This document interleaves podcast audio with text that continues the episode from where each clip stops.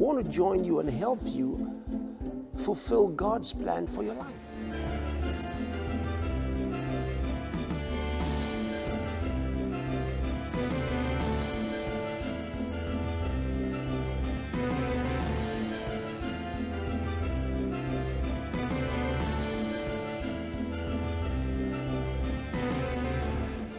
I feel this in my bones, people. For you, I'm feeling it. I'm telling you. We've got to display the ministry of the Spirit today. something that is so incredibly powerful to change the world. We must not lose today's opportunity to reach the whole world for Jesus Christ. This is your love world.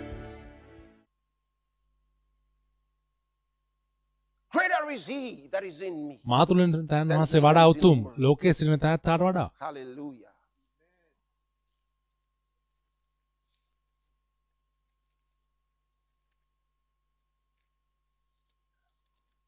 You see, in the church ඔබ දන්නවද age, සභාව යුගයේ මම ඔබට කලින් කිව්වා අපි සභාව යුගයේ. සිටින නිසා මේ වෙද්දි සභා යුගයේදී දෙවන් වහන්සේ දුන්නේ නැහැ කිසිම කණ්ඩායමකට governmental කිසිම රාජ්‍ය ව්‍යුහයකට. ලෝකය පාලනය කරන්න බලය දුන්නේ නැහැ සභා යුගයේදී Didn't give any of them. ඔවුන් කිසිවෙකුට ඒ බලය දුන්නේ නැහැ උන්වහන්සේ එනිසා ගෝලීය බලය බලවේගයක් තිබෙන්න යන්නේ නැහැ. සභාව මෙහි සිටිනකම්. සභා යුගයයි මේ Only what we actually allow අපි ඉඩ දෙන දේ පමණයි සිදුවෙන්න යන්නේ and so far මේ තාක් දුර අපි ඉඩ. මේ කලින් සැලසුම්. කරු දේ මනුෂ්‍ය සැලසුම් කර දෙයට අපි ඉඩ නොදී තිබෙනවා. ඉඩ දෙන්නේ නැහැ ඒක පවතින්න බෑ ඒ නිසා ඒක පවතින්න යන්නේ නැහැ. මොකද අපි ඒකට ඉඩ දුන්නේ නැති නිසා අවසර නොදුන් නිසා ඔබ කියනවා පාස්ටර් ක්‍රිස් කවුද ඔබට ඒ කියන අධිපත්‍ය දුන්නේ? ඔබට දැන් කතා කරන්න මට. ආධිපත්‍ය දුන්න තැන් වහන්සේ. ඒ නිසා තමයි ඔබ මට අහුම්කන් දුන්නේ. උන්වහන්සේ මට ආධිපත්‍ය දුන්නේ නැත්නම් ඔබ මට අහුම්කන් දෙන්නේ නැහැ. ඔබට මාව ඔබ ඉන්න තැනින්ද අහන්න පුළුවන් හේතුව තමයි දෙවන් වහන්සේ මට ආධිපත්‍ය දුන්න නිසා. උන්වහන්සේ ආධිපත්‍ය දුන්නේ නැත්නම් ඔබ මේක අහන්න යන්නේ නැහැ. ඔබ ඒක තේරුම් ගන්න අවශ්‍යයි. මම මේක මගේම බලෙන් හෝ හැකියාවෙන් නෙමෙයි කරන්නේ. ඔබට තේරෙන්නේ නැද්ද The words that I brought to you. මම ඔබ වෙතට ගෙන වචන. ඒව කොහෙන් දෙන්නේ? ඔබ හිතන්නේ ඒවා මගේ ඔළුවෙන් එනවා කියලාද? සුදාමන් වහන්සේ තුලින්. So this is coming to you. ඒ නිසා මේක ඔබ වෙතට එන්නේ. ආත්මයන් because වහන්සේ want කොටගෙනයි. මට ඒක එහෙම වෙන්න අවශ්‍ය නිසා it's මට ඒක එහෙම වෙන්න සලස්වන්න කැමති වෙන්න පුළුවන් වෙන්නේ. ඒක උන්වහන්සේ කැමැත්ත නිසායි. මගේ ක්‍රියාව is to bring forth His will. උන්වහන්සේගේ කැමැත්ත ස්ථාපිත කරන එකයි That's it.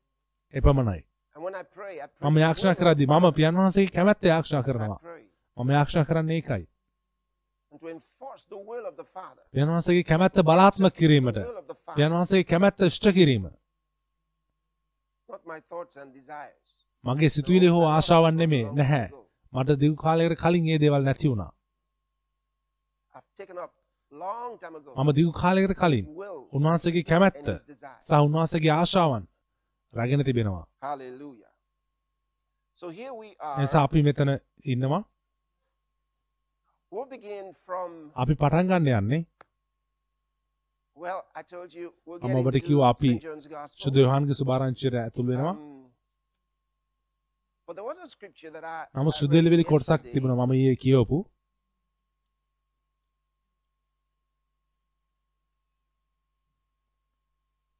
chapter 3 and verse රෝම number 3 වෙනි 24, පරිච්ඡේදයේ 24 වෙනි පදය we read 24 and 25. අපි 24 සහ 25 කියුවා Okay. So let's go there. අපි එතනට යමු Being justified එබැවින් ඔහු උන්වහන්සේගේ අනුග්‍රහයෙන්. ක්‍රිස්තුස් යේසුස් වහන්සේ තුළ තිබෙන මිදීම කරුණ කොටගෙන මම කිව්වා ඒ නොමිලේ කියන වචනය uh, පැමිණියේ කොහෙන්ද කියන එක පරිවර්තනය කරන්න ලැබෙන්නේ කොහොමද කියන එක ගැන Dorian, Greek. දොරියාන් ග්‍රීක් වචනය it meant without cause. එයින් අදහස් වෙන්නේ හේතුවක් නැතිව. මම කිව්වා ඒක බලන්න. සැබෑ අදහස එතන දමලා බලන්න justified කියන්නේ? හේතුවක් නැතුව. උන්වහන්සේගේ අනුග්‍රහය කරනට ධර්මිෂ්ඨ කරනු ලැබූ when you realize ඒක ඉතා බලවත්. ඔබ ධර්මිෂ්ඨ cause, ලැබුවේ හේතුවක් නැතුව කියන එක. මොකද ඔබ ඒ නදාසන ඔබ. ඒ ගැන යම් දෙයක් කරන්න සිදු නැහැ. ඒක සිදු කරවන්න That's amazing. ඒක පුදුමයි That's amazing. ඒක පුදුමයි. උන්වහන්සේගේ අනුග්‍රහයෙන් In other words, වෙනත් වචන වලින් කියනවා නම් ඔබ ඒ වගේ ඒ ආකාර උපත ලැබුවේ ඔබ නැවත born ලබද්දී. ඔබ ධර්මිෂ්ඨ කර උපත ලැබුවා Oh dear. O get this. ඔබ මේ. කල්ල ගන්න අවශ්‍යයි. හොඳයි, යන්න.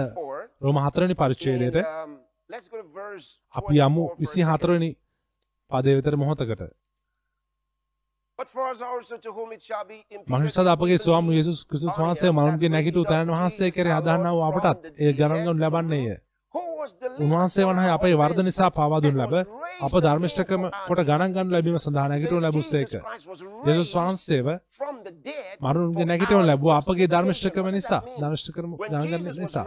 මොකද says වෙන්නේ? යේසුස් වහන්සේ වෙද්දී with අපි උන්වහන්සේ සමග remember, නැගිට්ටා මතක from the වහන්සේ මරුන්ගේ නැගිටිද්දී God said, "Thou art දෙවියන් my වහන්සේ කිව්වා ඔබ මගේ පුත්‍රයා මේ begotten thee." දවසේදී මම උපදවෙමි එන again යේසුස් වහන්සේ නැවත උත්පාදනය ලැබුවා උන්වහන්සේ මරුන්ගේ නැගිටිද්දී උන්වහන්සේ නැවත උත්පාදනය ලැබුවා resurrection from the dead. මරුන්ගේ නැග- උත්ථාන වීමේදී So there's where ඒ නිසා we came මෙතනදී. තමයි අපි පැමිණියේ එතනින් තමයි. සභාව පැමිණියේ පිටතට අපි පැමිණියේ නැවත නැගිටීමෙන්. කුරුසියෙන් නෙමෙයි We didn't come from the death. අපි මරණය නෙමෙයි පැමිණියේ යේසුස් වහන්සේගේ මරණය නෙමෙයි උන්වහන්සේගේ නැවත නැගිටීමෙන් අපි පැමිණියේ And so ඒ නිසා බයිබලය කියනවා උන්වහන්සේ නැග නැවත නැගිටිනු ලැබූ born විට. උන්වහන්සේ නැවත ඉපදුණු ලැබුවා. එන දවසේ උන්වහන්සේ අලුත් ජීවනයක් ඇතුව නැගිට්ටා අප හැම කෙනෙක්ම යේසුස් වහන්සේ කෙරෙහි අදහන හැම කෙනෙක්ම පැමිණියේ. ඒ නැවත නැගිටීමෙන් ඒ උත්තානය එනිසා were වහන්සේගේ මනසේ උන්වහන්සේ. ඔබ නැවත නැගිටිනු විට ඔබවත් නැවත නැගිටෙව්වා ඔබ නැවත උත්පාදනය ලැබුවා Meaning, එන දහස් වෙන්නේ. ඔබ අලුත් ජීවනයක් ලැබුවා නැවත new ලැබීමෙන් ඒ අලුත් ජීවනයක් ඔබ අලුත්. වර්ගයක් අලුත්. ජීවියෙක් එක වෙනස්. අලුත් ආකාරයේ මනුෂ්‍යයෙක් අලුත් ජීවනයක් පටන් ගෙන තිබෙනවා අලුත් ජීවිතයක් පටන් ගෙන තිබෙනවා. මේ ගැන හිතන්න දැන් ඔබ නැවත උත්පාදනය ලැබූ නිසා.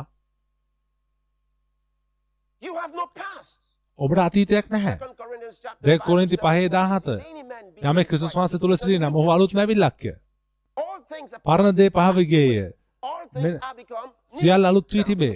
බලන්න එක ඔබ නැවත again, උත්පාදනය you were ලැබූ born විට ඔබ අලුත් ජීවියෙක් විදිහට උපත ලැබුවා without a past. අතීතයක් නොමැතිව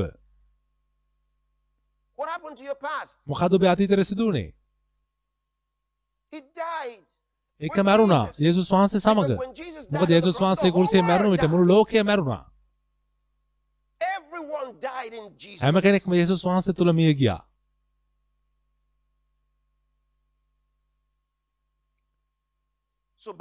එනිසා උන්වහන්සේගේ නැවත නැගීම කරුණ කොටගෙන සියලු මනුෂ්‍යයන්ට තිබිය. යුතුයි ජීවනය නමුත් බලන්න මේක. I know අලංකාරයි. මම දැනන් හිටියේ නැහැ මම මෙතෙන්ට ඇතුල් වෙයි කියලා දවසේ හොඳයි ඔබ ඇහුම්කන් දෙන්න අවශ්‍යයි. හොඳින් ඇහුම්කන් දෙන්න ඔබ බලන්න අවශ්‍ය නීත්‍යානුකූල භාවය ගැන යේසුස් වහන්සේගේ මරණය. යේසුස් වහන්සේ මිය ගිය විට හැම කෙනෙක්ම මිය ගියා. දෙවියන් වහන්සේගේ මනසේ. හැම කෙනෙක්ම මැරුණා. අපි කියවමු. 2 Corinthians chapter දෙක කොරින්ති 5 පස්වෙනි පරිච්ඡේදයේ and um, we read from verse 14. 14 වෙනි පදයේ සිට Has ක්‍රිස්තුස් වහන්සේගේ. ප්‍රේමය අප කෙරෙහි බලපවත්වන්නේය එසේ එක්කෙනෙක් then වෙනුවෙන් මැරුණේ කියාත්. එබැවින් සියල්ලෝ මැරුණෝය කියාත්. මම මේකට ගොඩක් කැමති ඊළඟ පදය උන්වහන්සේ everybody වෙනුවෙන්. මැරුණේ ජීවත් වන තවත්. උදෙසා That's ජීවත් නොවේ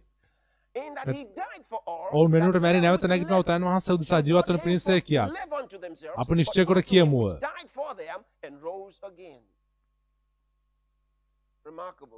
සුවිශේෂී. සුවිශේෂී. නිසා උන්වහන්සේ මිය ගිය විට. මුළු ලෝකය මැරුණා. දෙවියන් වහන්සේ උන්වහන්සේව නැවත නැගිටවූ විට මුළු life. ලෝකෙටම ජීවනය දෙනු ලැබුවා. හොඳයි. Meaning, එයින දහස් you වෙන්නේ oh, ඕ for Christians. මම no. කිතුරන්ට What පමණයි කියලා නැහැ බලන්න. අපි තවත් කියවමු. මම ඔබ කියවන්න යන දේ අනුගමනය කරන්න. එයින්. මෙතන් පටන් අපි way කිසිවෙකු දැන නොගනිමු. flesh. ක්‍රිස්තුස් වහන්සේ දැනගත් සිටියේ නමුත්. අපි දැන් තවත් එසේ දැන නොගනිමු. තාත එබැවින් යමෙක් ක්‍රිස්තුස් වහන්සේ තුල සිටින්නේ නම් ඔහු අලුත් නැවිලක්ය. පරණ දේ පහව ගියේ මෙන්න සියල්ලම අලුත් වී තිබේ. සියල්ල පැමිණෙන දෙවියන් වහන්සේගෙන උන්වහන්සේ ක්‍රිස්තුස් වහන්සේ කර්ණ කොටගෙන තමන් වහන්සේ අප සමීක කරගෙන සමීක කිරීමේ සේවය අපට දුන්සේක. මේක බලන්න. එනම් අපිට reconciliation to let everybody know සමීක කිරීමේ that සේවය දුන්න God හැම කෙනෙක්ටම දැනුම් දෙන්න දෙවියන් වහන්සේ තුල world unto සිටිමින්. ලෝකයා තමන් වහන්සේ සමීක කරගත් බව. කිතුරන් නෙමෙයි. උන් ලෝකයේ සමීක කරගත්ත තමන් වහන්සේට. ඔවුන්ගේ වර්ධව ඔවුන්ගේ ගානට නොතබා. මුළු ලෝක ඇයි මොකද යේසුස් වහන්සේ හැම කෙනෙකු උදෙසාම මිලේ ගෙව්වා. නිසා තමයි ඒක මුළු ලෝකෙටම සුභාරංචය කියලා කියන්නේ. අපගේ පණිවිඩය මුළු ලෝකෙටම කිය යුතුයි. ඒ හැම කෙනෙක්ම කොහොමද? යේසුස් වහන්සේ ඔබගේ ගැලම උදෙසා ගෙව්වා. ඔබට මිය යන්න අවශ්‍ය නැහැ. ඔබට තවදුරටත් විනිශ්චයක් අවශ්‍ය නැහැ. යේසුස් වහන්සේ විනිශ්චය කරන ලැබ ඔබ දෙසා. ඔබට සදාකාල ජීවනය තිබෙන ඔබ ඔබට ලබාගත හැකි. යමෙක් අදහනවද ඕනෑම කෙනෙක් අදහනවද? ඒ නීත්‍යානුකූල ගනුදෙනුව ඒක වැදගත් සත්‍යතාවයක් සිදු වෙනවා ඒ යථාර්ථයේ. ඒක තමයි වෙනස. නීත්‍යානුකූල සහ ඒ සත්‍යතාවය අතර ක්‍රිස්තුස් වහන්සේගේ ක්‍රියාවේ. ඔබ ඒක විශ්වාස කරන විට. ඒක ඔබේ ජීවිතේ ක්‍රියාත්මක කරනු ලබනවා. එක්වරම. ඔබේ ආත්මය තුල සදාකාල ජීවනයේ යථාර්ථයක් බවට පත් වෙනවා. ඒක තවදුරටත් නීත්‍යානුකූල දෙයක් වෙන්නේ නැහැ. Wow. Okay.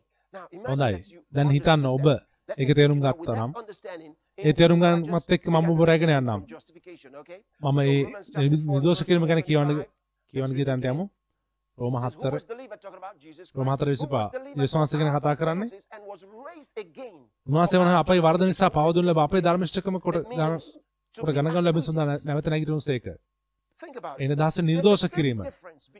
මහත් විශාල වෙනසක් තිබෙනවා සමාව දීම සහ නිර්දෝෂ කිරීම අතර. If මම යම් වැරද්දක් කරා නම් like some people say, යම් මිනිස්සු කියනවා um.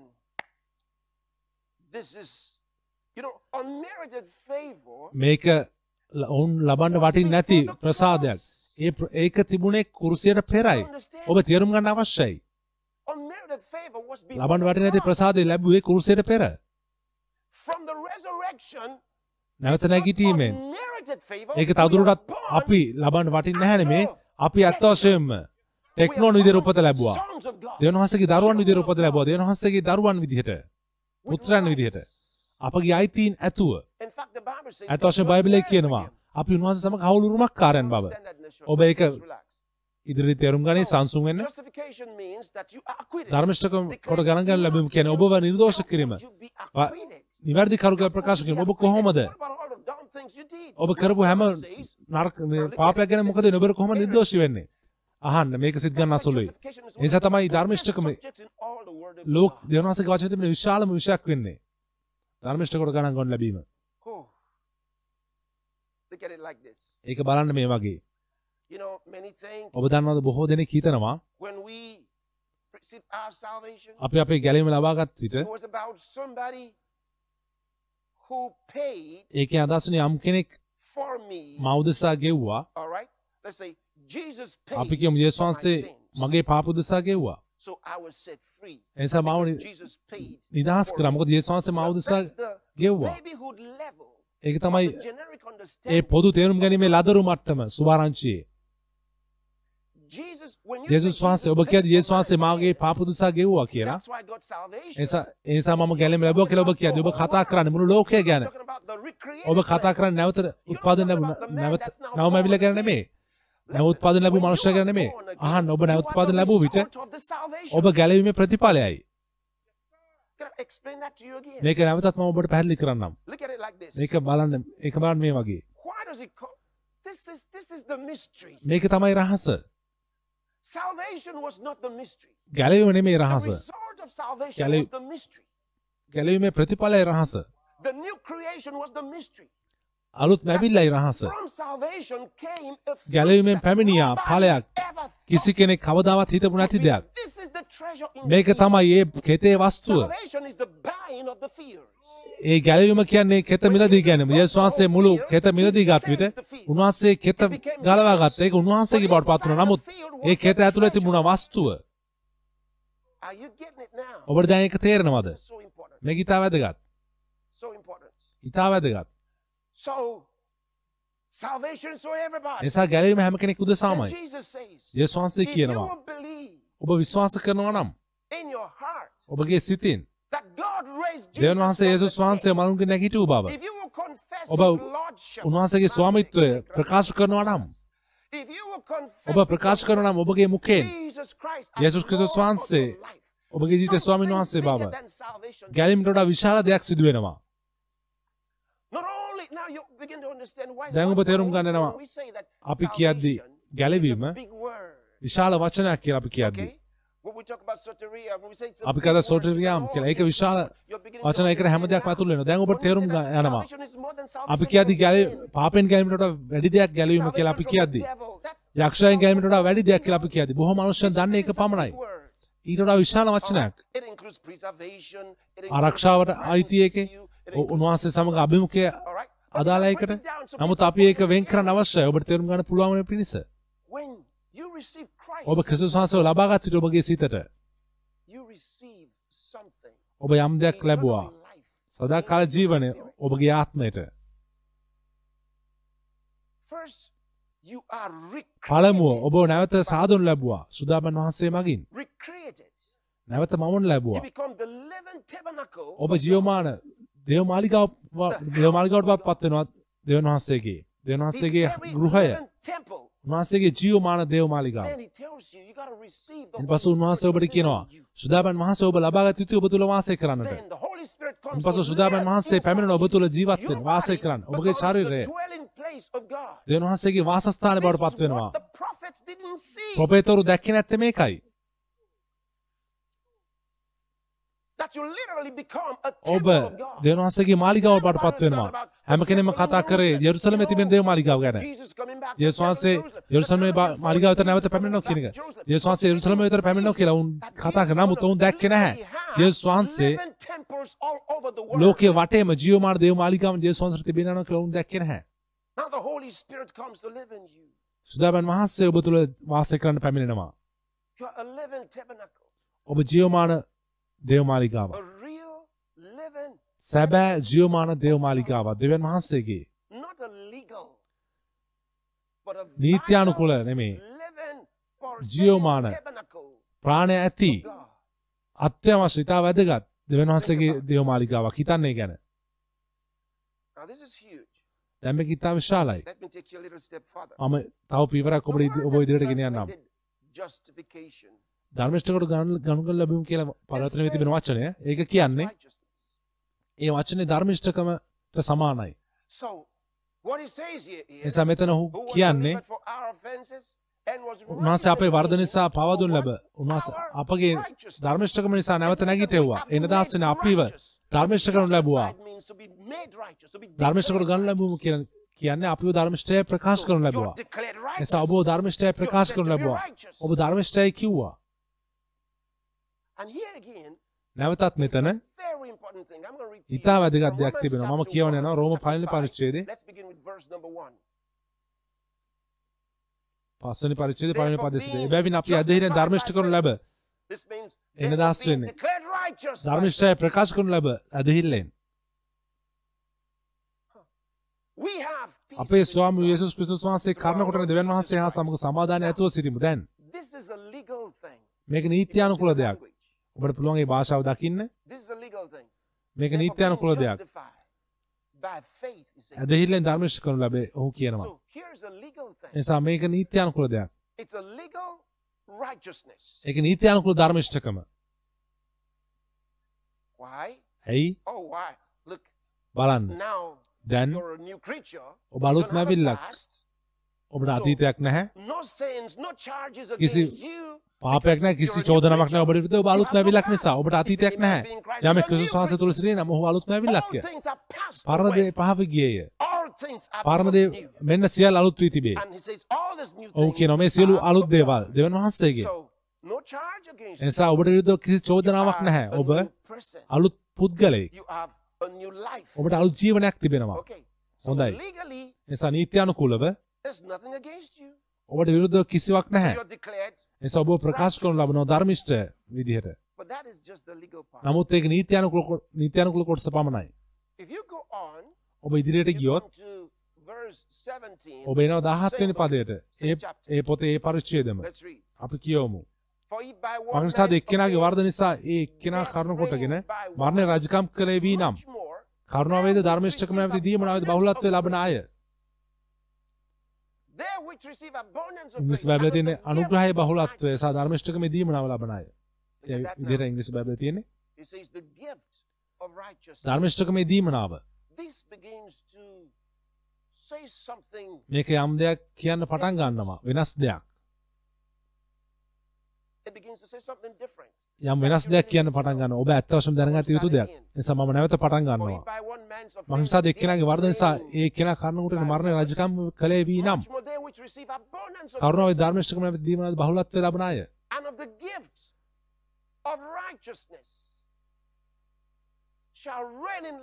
එක්කෙනා වූ යේසුස් ක්‍රිස්තුස් වහන්සේ කරුණ කොටගෙන ඊට වඩා ජීවනයේ රජකම් කරන්න ඕය මේ ධර්මිෂ්ඨකම ගැන යම් දෙයක් ඔබට මෙතන කියනවා මම ඉක්මනින් ඔබ එතනට රැගෙන යනවා අපි යමු 18 වෙනි පදයට. එබැවින් එක වරදක් කොටගෙන දඬුවමට පත් කිරීම පිණිස විනිශ්චය සියලු මනුෂ්‍යයන් කෙරෙහි පැමිණුණාක් මෙන්ම එක ධර්මිෂ්ඨ ක්‍රියාවක් කරුණ righteousness of කොටගෙන one, this is great. මේක නී අනර්ගයි. එක- වරදක් කරුණට දඬුවම් පත් කිරීම පිණිස විනිශ්චය සියලු මනුෂ්‍යයන් කෙරෙහි පැමිණුණාක් මෙන්ම එක ධර්මිෂ්ඨ ක්‍රියාවක් කරුණ කොටගෙන ජීවනයේ ධර්මිෂ්ඨකම පිණිස දීමනාව සියලු මනුෂ්‍යයන් කෙරෙහි වූයේය. justification of life. Look at it again. නැවත ඒක බලන්න. මෙතන ඔහු සම්බන්ධ කරනවා. ඔහු සම්බන්ධ කරනවා. නීත්‍යානුකූල භාවය සහ ඒ වැදගත් සත්‍යතාවය ඔහු සම්බන්ධ කරනවා. අපි යමු ඉස්සරහට. එබැවින් එක වරදක් කරුණු කරගෙන දඬුවමට පත් කිරීම සියලු සියලු මනුෂ්‍යයන් කෙරෙහි පැමුණක් මෙන්ම එක ධර්මිෂ්ඨ ක්‍රියාවක් free කොටගෙන ජීවනයේ ධර්මිෂ්ඨකම් පිණිස unto දීමනාව the සියලු මනුෂ්‍යයන් කෙරෙහි. වූයේය. ඊළඟ පදය එක man's මනුෂ්‍යයාගේ අකීකරු කරුණ. කොටගෙන බොහෝ දෙනා පව්කාරයන් කරනු at that. බලන්න එක. මොහොතකට නවතින්න මේ බොහෝ දෙනා they කරනු ලැබුවාම legal sinners? ඔව් නීත්‍යානුකූල පව්කාරයන් විතරද නැහැ ඔවුන් නීත්‍යානුකූල සහ වැදගත් යථාර්ථයක් තුළින්ම පව්කාරන් වුණා. සියලු මනුෂ්‍යයන්ට ඒ part. පැමිණුණා ඒක තමයි නීත්‍යානුකූල කොටස But what happened? නමුත් මොකද සිදු වුණේ එක්වරම ඔවුන්ගේ ජීවන ජීවිතය. ඔවුන් මත තිබුණු දේ ප්‍රතිබිම්බයක් විදිහට ප්‍රකාශ කරා ඔවුන්. සාතන්ගේ දුවරු සහ පුත්‍රයන් බවට පත් වුණා Jesus said, "You are දේවස් father වහන්සේ කිව්වා ඔබ ඔබගේ පියා you would do." සාතන්ගේ ඔබගේ පියාගේ ක්‍රියාවන් ඔබ කරනවා කියලා දේවස් For වහන්සේ by කිව්වා නැවත one man's බලන්න disobedience, many were made sinners. මනුෂ්‍ය දෙක මනුෂ්‍යගේ අකීකරුම් කාරණ කොටගෙන බොහෝ දෙනා පව්කාරණ කර ලැබුවාසේම එක්කෙනාගේ කීකරුකම කාරණ කොටගෙන Oh, බොහෝ දෙනා boy, ධර්මිෂ්ඨ කරනු look at the ලබන්නේය next verse. Oh, oh, oh, oh. There's so much more. Watch. තවත් බොහෝ දේවල් Moreover, the තිබෙනවා law බලන්න added that the ඒ අර offense might ව්‍යවස්ථාව abound. පැමිණුණේ වර්ධ බොහෝ වන පිණිසය But where sin නමුත් පාපය abounded, මරණයෙහි රජකම් කළක් මෙන්ම grace did අනුග්‍රහය much more සදාකාල ජීවනය සඳහා abound. අපගේ ස්වාම වූ යේසුස් ක්‍රිස්තුස් වහන්සේ කරන කොටගෙන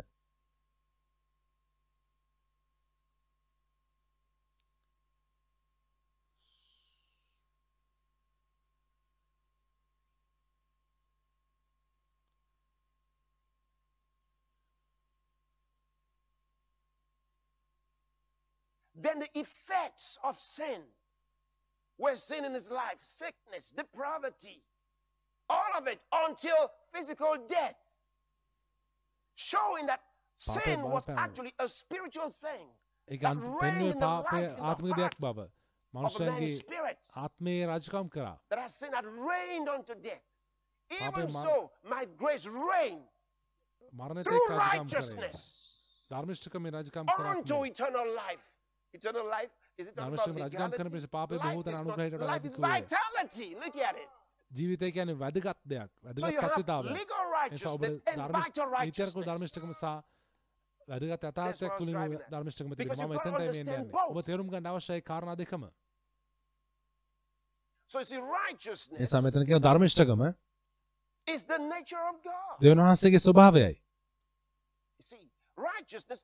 ධර්මිෂ්ඨකම. දෙවියන් වහන්සේගේ ස්වභාවයයි. ධර්මිෂ්ඨකම දෙවියන් වහන්සේගේ නිවැරදිකම මනුෂ්‍ය ආත්මය gives ඒක තමයි ඇත්ත වශයෙන්ම හැකියාව දෙන්නේ අපිට. දෙවියන් වහන්සේගේ අභිමුඛයේ සිට ගන්න. වරද තැබීමක් නැතුව. වර්ධකාරී හැඟීමක් නැතිව. සමහරවිට සමහර මනුෂ්‍යයන් මේ එකතු කරනවා යම් දෙයක්. ඒක ඇත්ත දෙයක් නෙමෙයි ඔබට වගේ දැනුණා ඔබ not. නැහැ වගේ ඔබට දැනුණත් ඒක අදහස් වෙන්නේ ඔබ ධර්මිෂ්ඨ නෙවෙයි කියන එක ඔබට condemned. තැබුවා කියලා හැඟුණාට ඔබ is තැබුවා නෙමෙයි මොකද බයිබලයේ කියනවා දැන් තවත් that are නැහැ. ක්‍රිස්තුස් යේසුස් වහන්සේ තුල සිටිනවුන්ට Hallelujah.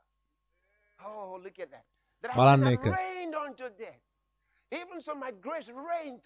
නමුත් පාපේ මරණය රජකම් කළක් මෙන්න අනුග්‍රහය සදාකාල ජීවනය සඳහා අපගේ ස්වාමී යේසුස් ක්‍රිස්තුස් වහන්සේ කරන by රජකම් කරන පිණිස. Oh. මොන වගේ සාක්ෂියක්ද? හොඳයි. ඔබට මේ නීත්‍යානුකූල ධර්මිෂ්ඨකම තිබෙනවා? ඒ වගේ මේ. වැදගත් සත්‍යතාවය ධර්මිෂ්ඨකම තිබෙනවා. ඔබගේ ආත්මයේ සත්‍යතාවය. the ස්වභාවය ඔබගේ ආත්මයේ. නිවැරදි කරන්න ඔබට හැකියාව දෙන. නිවැරදිකම දෙවියන් වහන්සේගේ නිවැරදිකම නිපදවන. right. දෙවියන් වහන්සේ හැම There's විටම නිවැරදි. වහන්සේ සමග කිසි වැරදක් නැහැ. බයිබලයේ කියන උන්වහන්සේගේ තුල කිසි අඳුර අන්ධකාරයක් නැහැ. Imagine that that හිතන්න ඒ ස්වභාවය දැන්. ඔබගේ ආත්මය ඇතුල් කර තිබෙනවා. ඒක තමයි සිදුවන්නේ ඔබ නැවත උත්පාදනය ලැබුව විට. දැන් ඔබට ඒක ඔබ live තිබෙනවා දෙවියන් වහන්සේ උදෙසා ජීවත් වීමට. නමුත් ඔබ ඒක දන්නේ නැත්නම්. ඔබ වෙනත් ඕනෑම ආකාරයකින් ජීවත් වෙයි. දැන් ඔබ තේරුම් ගන්නවා ඇයි ඒක love. ස්වභාවික සහ පහසු වෙන්නේ ප්‍රේමයේ හැසිරෙන්න. ඔබට පුළුවන් ප්‍රේමයේ හැසිරෙන්න. හැම විටම. හැම විටම. ඔබ ඒක කරන්න සැලසුම් කරන්න අවශ්‍ය නැහැ. ඒ සදාකාල ජීවනය පිළිබඳ සචේතනකත්වය. ඔබට ප්‍රේමයේ හැසිරෙන්න සලස්වනවා Love ජීවනය. ප්‍රේමයේ ක්‍රියා කිරීමයි. ඒ ගැන හිතන්න බයිබලයේ කියන. දෙවියන් වහන්සේ ප්‍රේමයයි. හලෙලූයා ස්තුතියි යේසුස් ස්වාමිනී. මහිමය මහිමය මහිමය හොඳයි, අපි නැවත යමු. අපි පටන් ගත්තේ ශුද්ධ ලෙවිලි කොටසට chapter 3, රෝම තුන්වෙනි පරිච්ඡේදයේ we're in verse 24. අපි ඉන්නේ 24 වෙනි පදේ. Being justified. That's the word that took us away from there, right? එබැවින් Being ලැබන්න වෙති ඒ වචනේ අපි වෙතනින් ගෙනිච්චේ. එබැවින් උන්වහන්සේගේ That's ක්‍රිස්තුස් යේසුස් වහන්සේ තුල තිබෙන මිදීම කරුණ නොමිලේ ධර්මිෂ්ඨකම් ලබන්න වෙති අපි ඒ ගැන කතා කරලා අපිට අද දවසේ මෙතන යන්න බැරි වෙයි. මේක ගොඩක් බලවත්. ක්‍රිස්තුස් යේසුස් වහන්සේ තුල තිබෙන මිදීම කරුණ කොටගෙන බලන්න 25 ඇදහිම කරුණට උන්වහන්සේ සුව කියලායින් මම ඊයේ ඔබට මේ කතා කරා. එයින් පවුන අසන පූජාසනයක් පූජාවක් දෙවනස් නියම කළසේක කරුණාසනේ ජේසුස් වහන්සේ අපගේ කරුණාසනේ බවට පත් වුණා. දෙවනස් තමන් ඉවසනවන්තකම නිසා පසුගිය පව් ගණන් නොගෙන හැරීම කරන කොටගෙන. අපි මේ කොටසට ආවේ නෑ. when I was talking about it yesterday. මම ඊයේ මේ ගැන කතා කරද්දී. අපි මේ කොටසට ආවේ නැහැ. um, propitiation. That's where we moved up. Okay, අපි එතනින් ගියා. so great to declare. Well, whom God had set for to be a propiti- propitiation through faith in His blood. අදහෙලම declare උන්වහන්සේ his සුව කියලායින් පවුන අසන righteousness පූජාවක් කියන දෙවනස් නියම of sins කුමටද. දෙවනස් තමන් ඉවසනවන්තකම නිසා පසුගිය පව් ගණන් නොගෙන හැරීම කොටගෙන තමන් පෙන්වීම Through the පිණිසය? ඔබ දන්නවද ඔහු- උන්වහන්සේ ඔහු මෙතන කිය මොකද්ද කියන්නේ කියන එක Jesus Christ was set යේසුස් ක්‍රිස්තුස් වහන්සේව be a place of appeasement. අපගේ ඒ සමාදාන වෙන තැන කරුණාසනේ බවට නියම කර තිබෙනවා. The medium of expiation. ඒ අනුග්‍රහය ලැබීමේ මාධ්‍ය. වහන්සේ උදෙසා නියම කර තිබෙනවා. ඒ නිසා දෙවියන් වහන්සේ. උන්වහන්සේගේ ධර්මිෂ්ඨකම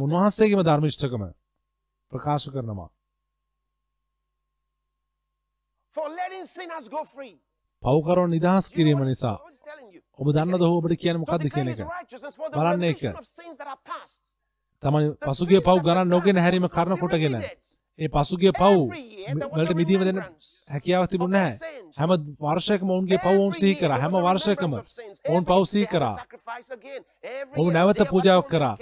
ඒ සමය කිරීම දවසේදී ඔවුන්ට. නැවතත් ඔවුන්ගේ පව් දිසා පූජාවක් කරන්න සිදු වුණා. උත්තම පූජකයාට මම ඔබත් එක්ක ඒ දේවල් ඊයේ බෙදාගත්තා ඒ හැම දෙයක්ම උත්තම පූජකයාට හැම අවුරුද්දෙම කරන්න සිදු වුණා. පව් සිහි කිරීමක් තිබුණා හැම වර්ෂයකම.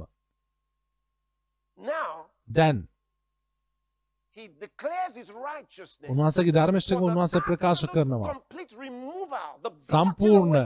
ඉවත් කිරීම පාපය ඉවත් කිරීම ගැන. තවදුරටත් සිහි කිරීමක් set නො- Jesus නැති වෙන as the පිණිස.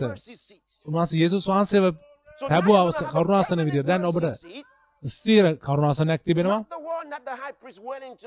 ඒ හැම අවුරුද්දකම උත්තම පූජකයා ඇතුළු වුණු ස්ථානය නෙමේ බලන්න. මෙතන කතා කරන්නේ. පසුගිය පව් මිදීම ගැන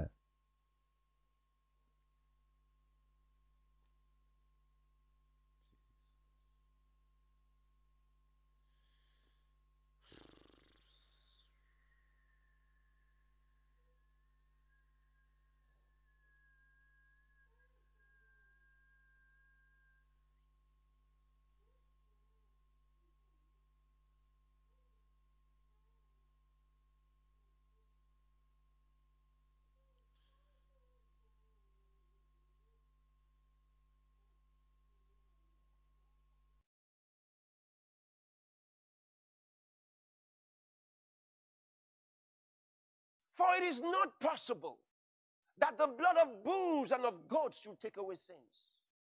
And in many places today, there are people who are trying their best බොහෝ ස්ථානවල මනුෂ්‍යයන් උත්සාහ කරන ඔවුන්ගේ to උපරිමය කරන්න ලබා ගන්නට.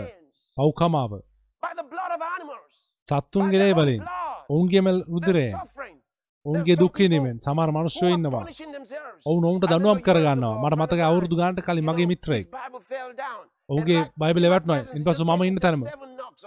ඔහු One, ඔලුවට two, හත් පත් three, හත් four, වතාවක් five, ගහගත්තා. six, seven. I said, "What's that for?" මම said, මොකක්ද "Because my ඇයි ඒ? Bible fell down." මොකද මගේ බයිබලේ I said, වැටුණා "So you punished yourself මම for හිතා that?" ඔබ ඒකට ඔබ ඔබට to appease God. දෙවන් වහන්සේව ප්‍රසන්න කිරීමට ඔහුගේ බයිබල් වැටීම ගැන දෙවන් වහන්සේව ප්‍රසන්න කිරීමට ඔහුට තිබුණු ක්‍රමය දෙවන් වහන්සේ විරුද්ධව පව් කර දැනෙත් ඒ දේවල් කරනවා. ඔවුන් හිතන ඔවුන්ගේ what to ගෙවන්න අවශ්‍යයි කියලා. ඔවුන් හිතන වහන්සේව brother, ප්‍රසන්න කරන්න මොකද්ද කරන්න ඕනේ මගේ සහෝදරය මගේ සහෝදරිය මගේ මිත්‍රය අහන්න යේසුස් වහන්සේව. ඔබගේ පාප උදෙසා සමය කිරීම ලෙස යොමු කරා. උන්වහන්සේ ගෙවීම. ඔබට බෑ ඊට වඩා Through හොඳ දෙයක් හොයාගන්න. මේ The මනුෂ්‍යයා වෙත remission of ඔබට are දේශනා කරනු ලබනවා උන්වහන්සේ කරුණට විශ්වාස කරන හැම කෙනෙක්ම. මෝසස්ගේ ව්‍යවස්ථාව කරුණට ධර්මිෂ්ඨ කරනු බැරි වූ දේ ධර්මිෂ්ඨ කරනු ලබනවා. වෙන විදිහක් නැහැ Hallelujah. Go back to verse 4. නැවත For යන it is හතරවෙනි not පදයට. මනුසාද ගොනුන්ගේත් එළුවන්ගේත් ලෙයින් පව් කරන්න Go to verse 11. යන්න එක්ලොස්වනි පදයට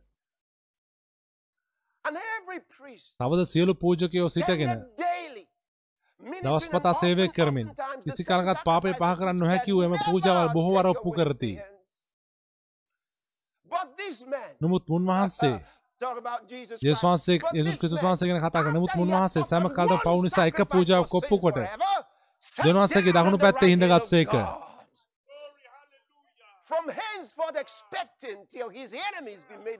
එතැන් පටන් තමන්ගේ සතුරන් තමන්ගේ. පාපුටු කරනතුරු උන්වහන්සේ බලා සිටිනසේක 14. ආශ්‍රයවා බලන් By 14 one පදය offering. මගනිසා උන්වහන්සේ පිරිසිදු කරනු ලබන්නන් එක පූජාවකින්.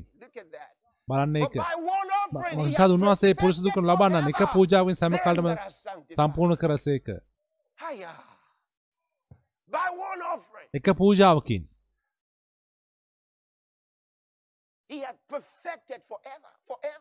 උන්වහන්සේ සදාකාලටම සම්පූර්ණ කරා. නිසා උන්වහන්සේ දෙවියන් වහන්සේට සම්පූර්ණ පූජාවක් කොප්පු කළා. සදාකාලටම සියලු කාලවලට ඔබට තවත් පූජාවක් අවශ්‍ය වෙන්නේ නැහැ කවදාවත්. මේක තමයි යේසුස් ක්‍රිස්තුස් වහන්සේගේ සුභාරංචිය Hi. So go back to verse 25. නිසා නැවත යන්න 25 වෙනි of Romans. පදයට රෝම 3 වෙනි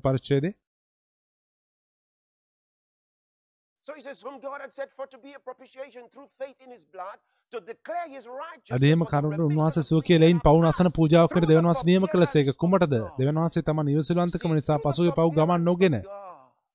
නොහැරීම කරන කොටගෙන තමන් වහන්සේගේ ධර්මිෂ්ඨකම පෙන්වන පිණිසය දෙවන් වහන්සේගේ ඉවසිලවන්තකම නිසා මොකක්ද සිදු වුනේ මම ඔබ රැගෙන යන්නම් if he උන්වහන්සේ බලා සිටියා නම්. මෙතරම් කාලයක්. Look at Galatians chapter 4, verse number 4. බලන්න ගලාති හතරේ හතර. මම I'm ඔබට කියපු දේ. මම ඔබට සුදලිවිලි කොටසක් නමුත් කාලේ සම්පූර්ණ වූ කාල දෙවන් වහන්සේ ස්ත්‍රියවගේ උපන්නා වූ ව්‍යවස්ථාව යටතේ උපන්නා වූද? තමන් them, වහන්සේ accepting temporarily තාවකාලික උන්වහන්සේ පිළිගත්තා. Waiting ගොනුන්ගේ for සහ the එළුවන්ගේ ලේ fullness of time. ඒ කාලේ So the සම්පූර්ණ Bible වනතුරු says, A "For සබයිබලේ when the කියනවා. fullness of the time කාලේ was come, සම්පූර්ණ කල God sent forth දෙවන් his වහන්සේ son, ස්ත්‍රියවගෙන් උපන්නා වූ තමන්ගේ පුත්‍රාව එව්වා. ව්‍යවස්ථාව යටතේ උපන්නා වූ.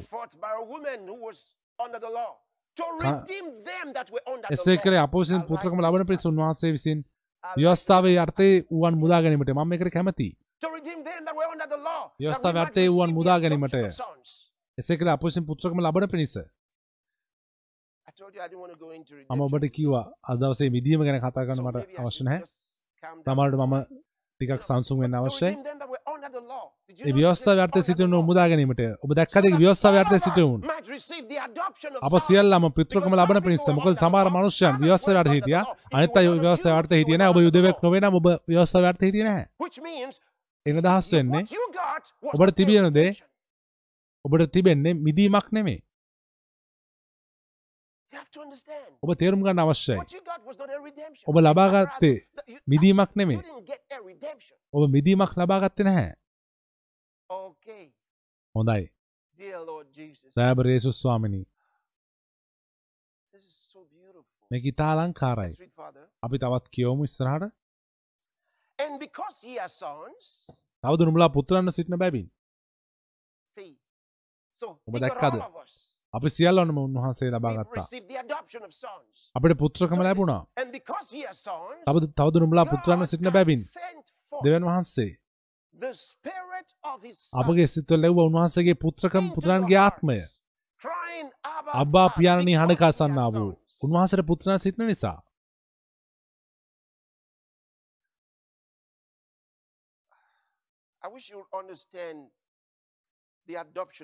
ඒ පුත්‍රකම ලැබීම ඔබ තේරුම් ගන්නවා නම් හොඳයි. මම දැන් තව. වෙනත් දවසක Because I- I අපි ඉදිරියට want යමු. you- මොකද මට අවශ්‍යයි ඇත්ත වශයෙන්ම ඔබ එක. that for the moment. මොහොතකට අපි මෙතන It says, ඉදිරියට යමු. Because ye are sons, ye are තවද sons, නුඹලා so පුත්‍රයන් සිටින බැවින් ඔබලා පුත්‍රයන් it. ඒ ගැන හිතන්න. ඔබ. ක්‍රිස්තුස් යේසුස් වහන්සේ තුල And පුත්‍රයෙක් because ye are sons, God has තවද sent නුඹලා forth පුත්‍රයන් the සිටින බැවින් දෙවන් වහන්සේ තමන්ගේ පුත්‍රයන්ගේ ආත්මය අපේ සිතුවල ලැබුසේක Abba, අබ්බා Father. පියාණනි කියා හඬ ගසන්නා වූ you කෙනෙක් කිව්වා, ඔවුන්ට බයිබලය නැවත ලියන්න අවශ්‍යයි.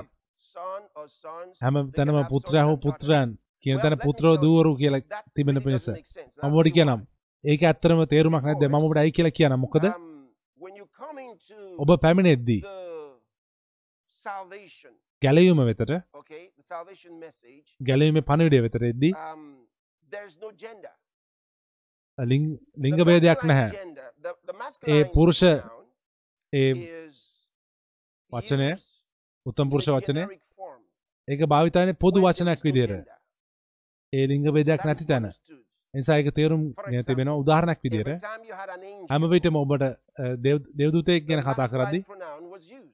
ඒ පුරුෂ වචනය ඔහු කියන වචන භාවිත වෙලා තිබෙනවා. නමුත් අපිට කියනවා දේවදූතයන්ට genderless. ලිංග ભેදයක් නැති බව. එනිසා ඇය කියන එකක් නැහැ. දේවදූතයන්ට. තවත් එක හේතුවක් මොකද? was a සෑදුවා. එනිසා ඔහු. හිටියා. ලිංග ભેදයක් So when නැතිව. එනිසා ආදම මැවූ විට ස්ත්‍රියක් කාන්තාවක් හිටිය නැහැ. ඔහු ඔහු ඉදිරිය හිටියේ.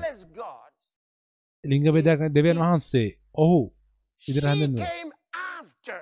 ඇය පැමිණියයින් පසුව. එනිසා ඇය නැති තැන ඔහු. පවතිනවා දිගින් දිගටම. So when God නිසා දෙවන් වහන්සේ දැන් මනුෂ්‍යයාගේ ආත්මය ගලවනවා. ඒ ලිංගවේද ඉවත් කරනවා. ඔහු කෙනෙක ඉදිරියට necessarily නිසා ඔහු mean අදහස් වෙන්නේ masculine. පුරුෂ කියන එක ඔහු කෙනෙක් අදහස්. වෙන්නේ ආත්මයක් උදව් telling කරයි. කෙනෙක් ඔබට කියනවා now නම් you- you must put ඔබ male and female. No, ස්ත්‍රී සහ no, පුරුෂයෙක් දාන්න කියලා ඒක අවශ්‍ය නැහැ. හොඳයි Hmm, thank you, Lord Jesus. ස්තුතියි යේසුස් ස්වාමිනී Sigarabakasetehe, Mando Groski, Paradila Groski. Thank you, Lord Jesus. Sa greater scopra hakliris. All අපි මොන පදේද. හිටියේ තවද නුඹලා sent සිටින බැවින් අබ්බා පියාණන් කිය හඬගස්සනෝ into තමන් පුත්‍රන්ගේ hearts, ආත්මය crying, දෙවන් Abba, වහන්සේ අපේ. සිත්වලට verse බලන්න. හත්වෙනි පදේ මෙසේ නුඹ තවත් more දාසයෙක් a නොව servant, පුත්‍රයෙක්ය පුත්‍රයෙක් නම් දෙවන් වහන්සේ Christ. Phew. It gives you confidence in life. ඒක ඔබට ජීවිතයේ. ආත්ම විශ්වාසයක් දෙනවා. ඔබ කවුද කියලා ඔබ දන්නවා. ඔබගේ සියලු බිය පහ වෙනවා?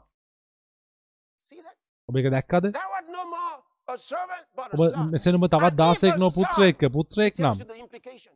මෙතන ඔබට ඒකෙන් සිදුවෙන මොකද්ද කියලා කියනවා. මේක ඇත්ත නම් ඔබ දැන් පුත්‍රයෙක් කියන එක ඇත්ත නම්. දෙවන් වහන්සේගේ ගෘහයේ. හාලෙලූයා මේ. කියන ඒ අදහසන ඔබ දැන් උරුමක්කාරයෙක්.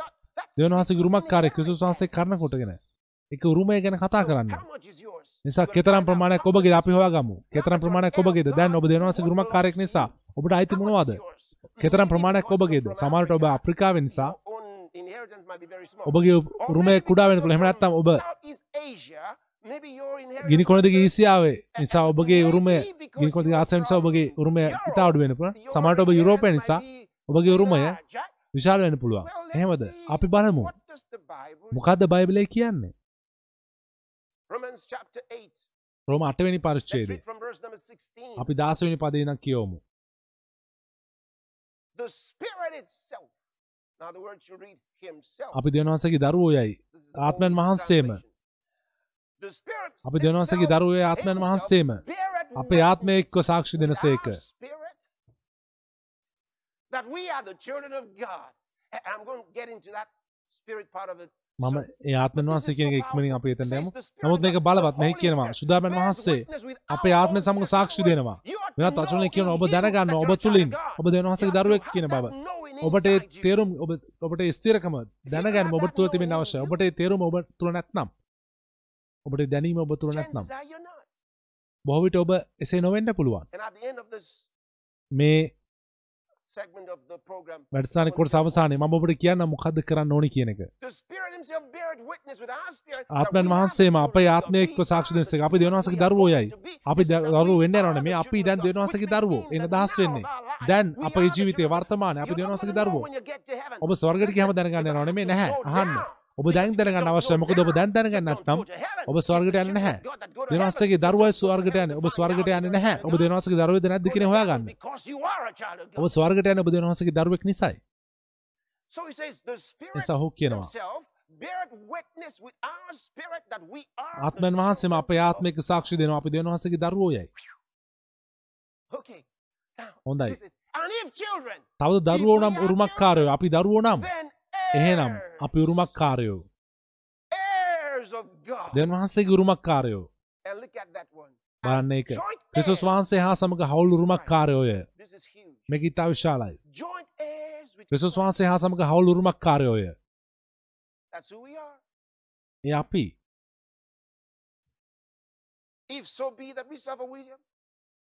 උන්වහන්සේ හා සමග මහිම ලබන together. උන්වහන්සේ සමග දුක් විඳිනු නම්? මෙසේ වන්නේ ඔබ ඒකට කැමතිද මොකක් ගැනද ඔහු කතා කරන්නේ? 18. 18 වෙනි පදය මංසාද මේ වර්තමාන time කාලයේ දුක් වනාහි are not අප worthy කෙරෙහි to be දරව් කරනු compared ලබන්නා වූ මහිමයට with සමාන කරනු යැයි revealed සිතමි. තවත් පැමිණෙන්ට බොහෝ දේ තිබෙනවා?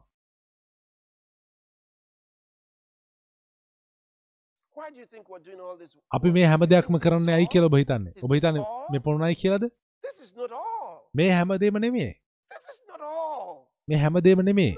නැහැ. come on. Second Corinthians chapter 4. දෙක කොරන්ති හතරනි පරිච්චේදේ. මම ඔබට යම් දෙයක් පෙන්වන්න අවශ්‍යයි verse 16. යන්න දාසවෙනි Verses. මම පද තුනක් කියවනවා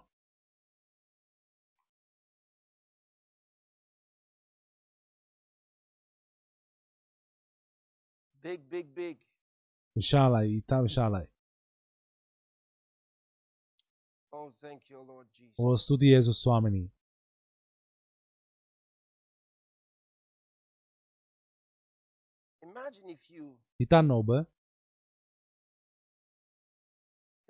you were walking in this හිතන්න light. ඔබ මේ ආලෝකයේ හැසුරුණ නම් සිය- මුළු කාලය පුරාවටම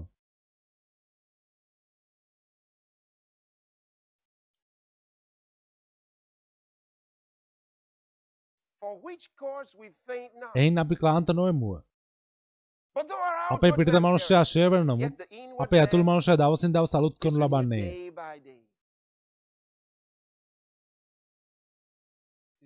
ඔබ එක දැක්කද Verse 17. දහත්වනි පදය life, පවතින අපගේ සැහැල්ලෝ දුක which is but පෙනෙන for දේ a නොව නොපෙනෙන දේ බලාසිටිනව අපට more වැඩි වශයෙන් සදාකාල තේජස් භාරයක් සදා. දෙන්නේය මේ කියනවා. අප සැහැල්ලූ දුක් අපි දැන් is a මොන light දෙයක්. තුළින් ගියත් ඒක සැහැල්ලූ දුකක්. මේක කුඩා දෙයක්. මම කතා කරන්නේ. මේ මේ for the ඔහු නිසා බොහෝ දේවල් තුළින් ගිය. නමුත් ඔහු ඒක සැහැල්ලූ දුකක් කියලා හැඳුන්වේ මේක කිසිවක් නෙමේ. අප තුළ එල්දරවින් යන මහිමයට සාපේක්ෂව more කරද්දී ඉතාමත්ම වැඩි වශයෙන්. සදාකාල තේජස් භාරයක් සාදා දෙන්නේය මහිසාද පෙනෙන දේ කාලිකය නොපෙනෙන දේ සදාකාලිකය අපි බලාසිරින්නේ පෙන දෙනුව සදාකාලික. දේ දෙසය. හලලූය හොඳයි. නැවත යන්න. 8, රෝම අටවෙනි පරිච්චේදේ 16. දාසවෙනි So පදයට මේ the අපි දෙවනවාසගේ children දරුවෝ of ආත්මන්. වහන්සේම අපේ if එක්ව සාක්ෂි heirs of තවද God. දරුවෝ නම් උරුමක්කාරයෝය So we're heirs of නිසා අපි. දෙවන් Heirs of God. දෙවන්. I said, යසුස් so වහන්සේ හා do you have? උරුමක්කාරයෝය මම ඇහුව ඔබට කොතරම් තිබෙනවාද. දැන් කියන means වචනය එන දහස් වෙන්නේ උරුමක්කාර heirs එන together. දහස් වෙන එක්ව Now, උරුමක්කාරයන් what දැන් ඒකන ඔබට මොකක්ද කියන්නේ um, ඔබ? දන්නවද ජොයින්ට කවුන්ටක් කියන මොකක්ද කියලා අවුල් account, කියන්නේ. both account එකකදී අපි. දෙදෙනම. අස්සන් තබනවා ඒ කවුන්ට් එකට. ඔබට කිසිවක් ලැබෙන්නේ නැහැ මා නැතුව. මට කිසිවක් without නැහැ. ඔබ නැතුව ඔබ යම් දෙයක් ඒ කවුන්ට් එකෙන් both of ගන්නවා us. නම් We ඒ අපි දෙන්නම. අපි දෙගොල් 50-50. දෙන්න එකට ඒක එක 90-10. අයි හිමිකම් කියන එක It's not 50ට 50 නෙමෙයි 60-40. ඒක It's 90ට not 10 නෙමෙයි ඒක 70-30. 60 40 නෙමෙයි No, it's not 70ට shared 30 නෙමෙයි that නැහැ way. ඒ වගේ We බෙදා own it ගන්න නැහැ නැහැ අපි. එක්ව ඒකට අයිතිවාසිකම් කියනවා මේ යේසුස් වහන්සේ ඉතා විශාලයි උන්වහන්සේට මොන දේ තිබුණත් උන්වහන්සේ අප සමග බෙදා ගන්නවා and he gives us equal උන්වහන්සේ අපට සමාන with අයිතීන් himself ලබා දෙනවා into උන්වහන්සේ සමග anything. ඕනෑම That's why he දෙයකට says, "Ask for එනිසා තමයි anything, උන්වහන්සේ කිව්වේ ඕනෑම දෙයක් ඉල්ලන්න I'll do it for you. මම ඔබ උදෙසා කරනවා Anything. ඕනෑම දෙයක් And then he says, you can ask for වෙනත් වචන වලින් anything in ඔබට my name. It මාගේ will be නාමෙන් ඕනෑම දෙයක් ඉල්ලන්න පුළුවන් එක සිදු වෙනවා සිදු done." කරනු I'll get to ලබනවා that shortly. මම It's- it's එතනට too- එන්නම් it's too huge. නමයිකි විශාල වැඩි It's too නමුත් huge. He නමුත් says, ඒක "If විශාල we're වැඩි. children, then we are heirs. අපි දරුවෝ නම් අපි උරුමක්කාරයෝ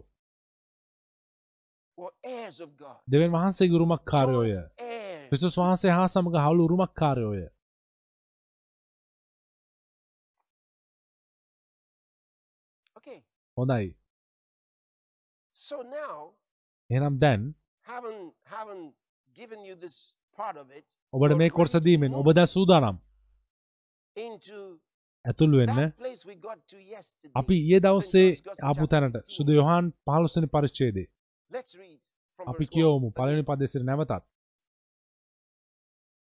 We're discussing the mystery of Christ. අපි සාකච්ඡා කරන ක්‍රිස්තුස් වහන්සේගේ රහස මම සැබෑ වූ my father, මගේ පියන් වහන්සේ ගෝබියාය. මා තුළේ තිබි පල නොදරන සියලු අතු උන්වහන්සේ පහ. කරන සේක. පලධරණ අතු වඩා පලධරණ purgeth. උන්වහන්සේ පවිත්‍ර කරන සේක. වෙනත් කප්පාදු කරනවා කියලා කියන වෙනත් වෙනත් පරිවර්තනවල වඩා පලධරණ. Fine. නිසා උන්වහන්සේ මිදිවැල දැන් උන්වහන්සේ කියනවා උන්වහන්සේ තුළ අතු තිබෙනවා.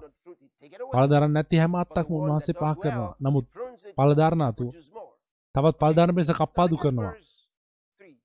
බලන්න makes පදය. A beautiful යේසුස් වහන්සේ අලංකාර ප්‍රකාශනයක් කරනවා මෙතන. ඔබේ කවදාවත් අමතක කරන්න එපා. ඔබගේ ජීවිතයට ඒක භාවිත කරන්න. මම නුඹලාට කී වචනේ කරුණ කොටගෙන නුඹලා දැන් පවිත්‍රය. නිසා යේසුස් වහන්සේගේ වචනය පවිත්‍ර කාරකයක්. වෙනත් වචනවලින් කියනවා ඔබ දේව වචනය අධ්‍යයනය කරද්දී ඔබ දෙවියන් වහන්සේගේ වචනේ කියවද්දී ඔබ දෙවියන් වහන්සේගේ වචන ඔබගේ ආත්මයට ලබා ගද්දී ඔබ පවිත්‍ර කරනු ලබනවා.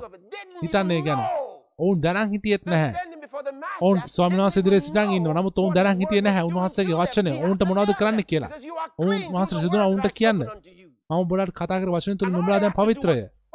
ඔවුන්ට කියන්න තිබුණේ හොඳයි සර්. කියන එක විතරයි. ඔවුන්ට ඒක දැනන්න අවශ්‍ය නැහැ. ඔවුන්ට ගැන- දැනුණා ඔවුන් ඒ ගැන අහන උන්වහන්සේ. නමුත් ඔවුන්ට කිසි දෙයක් ඇහුන්නේ නැහැ. යේසුස් වහන්සේ කියනවා මම ඔබලාට කතා කරපු වචනේ කරුණ නුඹලා පවිත්‍රයි. ඔවුන් ඔවුන්ගේ පාද උන්වහන්සේ සෝදපු රාත්‍රිය ඔබට Peter said, මතකද? "Master, you never පෙතුරුස් කිව්වා my feet." ස්වාමිනේ ඔබ මගේ පාද කවදාවත් සෝදන්න. එපා. ඔබ කරන්න එපා. මම ඒ සේදීම කරනම්. යේසුස් වහන්සේ කිව්ව නැහැ නැහැ. ඒක ආත්මික දෙයක් මම මේ කරන්නේ. Ah, හැම "No, දෙයක්ම හොදන්න. only my feet, wash everything." මගේ කකුල් දරන මාගේ හැම එකම හොදන්න කියලා Anyone කියනවා. නැහැ. දැනටම සොදන ලැබූ කෙනෙක්. තවත් සේදීමක් අවශ්‍ය. නැහැ. කකුල පමණයි. හොඳයි. එහෙනම් ඒක අල්ලගන්න ඒක අල්ලගන්න. ඔබ පවිත්‍රයි. නුඹලාට කී වචනේ කරන නුඹලා දැන් පවිත්‍රයි. Cleanses me. වචනේ මාව පවිත්‍ර කරනවා. දෙවියන් වහන්සේට ආශ්‍රී වේවා. The word purifies my වචනය. මගේ සිත පවිත්‍ර කරනවා. මගේ මනස පවිත්‍ර කරනවා. මගේ සිතුවිලි පවිත්‍ර කරනවා. දෙවියන් වහන්සේට ආශිර්වාද වේවා. එසා ඔබ කියනවා ඔව්. යේසුස් වහන්සේට කියන්න කිව්වා වගේ. බලන්න හතරවෙනි me. මා තුළ Ah, පැවතෙන්න. දැන් උන්වහන්සේ ඇතුළ වෙනවා. මා තුළ පවතින මමත් නුඹලා තුළ පවතින්නෙමි. වව්. උන්වහන්සේ ඔවුන්ට කිව්ව නැද්ද? 14 and 14 වෙනි verse number පරිච්ඡේදයේ 20? 20 වෙනි Go back පදේ. there. නැවත එතනට 14 යන්න. verse number 20. 14 වෙනි පරිච්ඡේදයේ 20 වෙනි He පදය. said something. උන්වහන්සේ යම් දෙයක් කිව්වා. අපි කිව්වා ඒ දවසේදී මා පියන් වහන්සේ තුලහිද? නුඹලා you මා in තුලහිද? මා නුඹලා. තුලහිද සිටින බව නුඹලා දැනගන්න හුය. දැන් අපි එනවා 15 15 වෙනි පරිච්ඡේදයට number four. හතරවෙනි පදේ And it says, "Abide in me, උන්වහන්සේ I මා you." පවතින මමත් තුල branch පවතින්නෙමි. අත්ත මිදිවලෙහි නොපවතී නම් තනියම in පල me. දරන්නට බැරුවක් මෙන් No more can නුඹලා මා තුලෙහි except නොපවතී වුනම් abide in me. පල දරන්නට නුඹලාට බැරිය. නිසා උන්වහන්සේ. ඔවුන්ට උපදෙස්. දෙනවා දැන්. He's- කිව්වා. උන්වහන්සේ headed යන්නේ. උන්වහන්සේ uh, uh, ඒ කිදුරෝ නොය. වෙතර යන්නේ. උන්වහන්සේ. ඒක හරහා යනවා ඒ උයනට. ඉන්පස්සේ උන්වහන්සේ ටික මොහොතක් ආරක්ෂා කරනවා. ඉන්පස්සේ උන්වහන්සේව අතරඟුඩ කරනවා. ඊළඟ පැය කිහිපයකට පස්සේ උන්වහන්සේ මැරෙනවා. නිසා උන්වහන්සේ දන්නවා උන්වහන්සේට තිබෙන්නේ පැය කිහිපයක් පමණක් බව. නිසා උන්වහන්සේ ඊටා වැදගත් දේවල් ඔවුන්ට කියනවා. උන්වහන්සේ කියනවා මා තුලෙහි පවතින මමත් නුඹලා තුල පවතින්නෙමි. අත්ත මිදිවලෙහි නොපවතී නම් තනියම පල දරන්නට බැරුවක් මෙන්ම. නුඹලා මා තුලෙහි නොපවතී නම් පල දරන්නට නුඹලාට බැරිය. ඉන්පසු පස්වෙනි පදය. ඊටා විශාලයි. මිදිවල මමය. නුඹලා අත්තුය. What an affirmative statement, so, මොන වගේ බලවත් ස්ථිර කිරීමේ ප්‍රකාශනයක්ද මේ. ඊටා බලවත්. මම මිදිවල මමය. නුඹලා අතුය.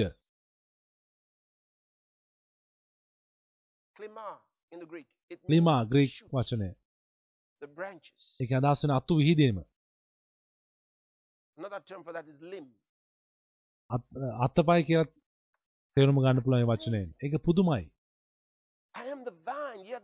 මිදිවල මමය. නුඹලා අතුය. යමෙක් me, මා තුලෙහි and I පවතිනේද මම. ඔහු තුලෙහි පවතිම්ද.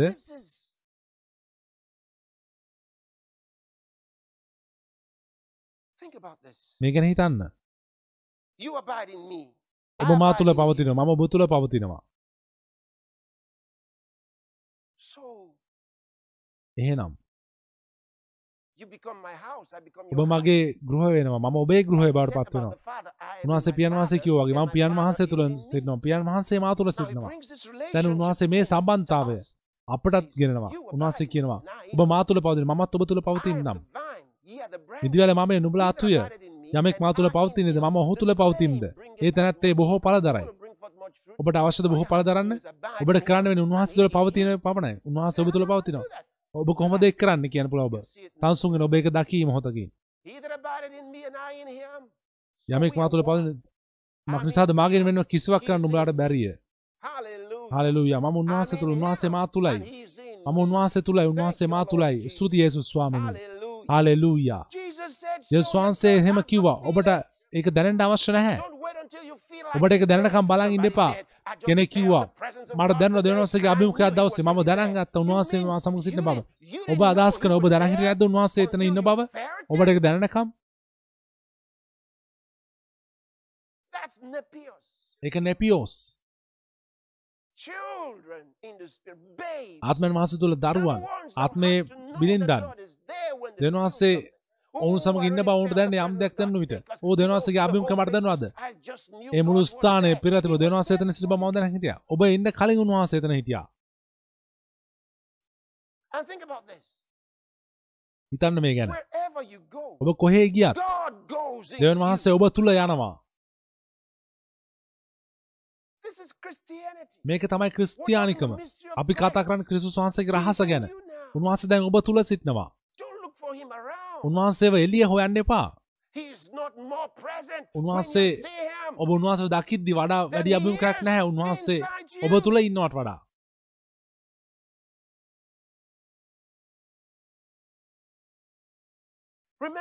මතක තබා ගන්න එක. උන්වහන්සේ ඔබට උන්වහන්සේ දැනෙද්දි වඩා වැඩි අභිමුඛයක් නැහැ. උන්වහන්සේව ඔබට දැන නැති විට ඉන්නවට වඩා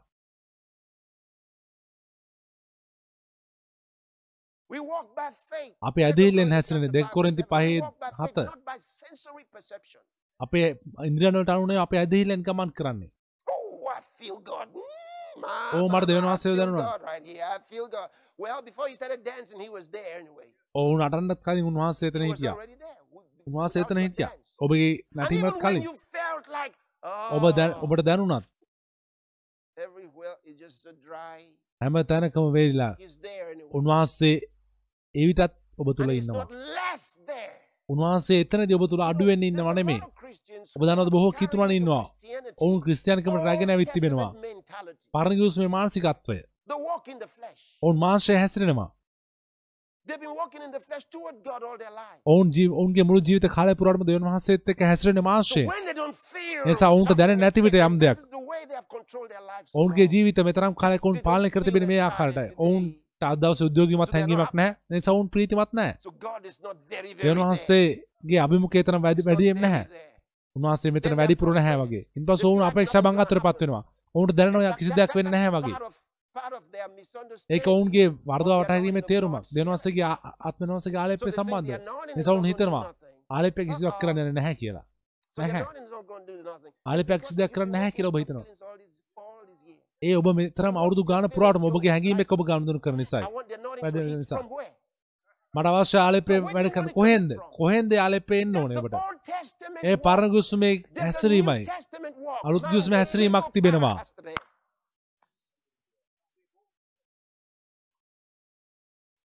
Ah. ඔබට කවදා හරි දැනෙනවා නම් like, ඕ දෙවියන් වහන්සේ කොහෙද කියලා. පිළිතුර වෙන්න උන්වහන්සේ ඔබ you.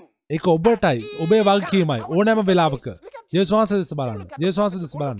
බලන්න එපා පරණ ගුස්මේ ප්‍රොෆෙතවරු දෙස බලන්න කවද ඔබ අනුකරණය කරන්නේ? කවද ඔබ අනුකරණය කරන්නේ? යසායාව යරමියාවද? එසකියල්වද? එහෙම නැත්නම් යේසුස් වහන්සේවද? යේසුස් වහන්සේ කිව්වේ නැහැ He said, අපානු "Follow වෙන්න me." උන්වහන්සේ කිව්වා මානු වෙන්න And Paul said, "Follow me. පවුල් as I කිව්වා follow මානු වෙන්න Christ." මම ක්‍රිස්තුස් වහන්සේව අනුගමනය කරනවා වගේ. අපව අනුගමනය කරන්නේ නෙමෙයි. නැහැ මානුගමනය කරන්න. ක්‍රිස්තුස් වහන්සේව අනුගමනය කරනවා නෙමෙයි වගේ. ක්‍රිස්තුස් වහන්සේ තමයි අවධානය තැබිය යුතු තැන. life ඔබට අවශ්‍ය නම් ජීවිතයක්. මේ New අලුත් Testament ගිවිසුමේ rather than the old, පරණ ගිවිසුමේ follow වෙනුවට. යේසුස් වහන්සේව අනුගමනය කරන්න. යේසුස් වහන්සේව අනුගමනය කරන්න ඔබගේම දෙවධර්මය නිර්මාණය කිරීම නවත්වන්න with the New Testament. අලුත් ගිවිසුමට So a එකඟ නැති බොහෝ මනුෂ්‍යයන්. ඔවුන් දන්නේ ඒක. ඔවුන් එතරම් දිගු කාලයක් එතන ජීවත් වෙලා තිබෙනවා. ඔවුන් ඒ ස්ථානයේ දිගු කාලයක් ජීවත් වෙලා තිබෙනවා Um, එලිෂා ඔහු කෝප වුණා and uh, he was angry with Ahab. ඔහු ආහබ් සමඟ කෝප වුණේ? So when Jehoshaphat and Ahab නිසා came to him and යහෝසාපට් they සහ said, ආහබ් ඔහු වෙත ආවහම? Uh, what do you think? ඔහුගේ නැව මොකක්ද හිතන්නේ? ඔහුට අවශ්‍ය වුණේ නැහැ. ඒ රජුගේ මුහුණ බලන්නවත්. ඔහු කිව්වා.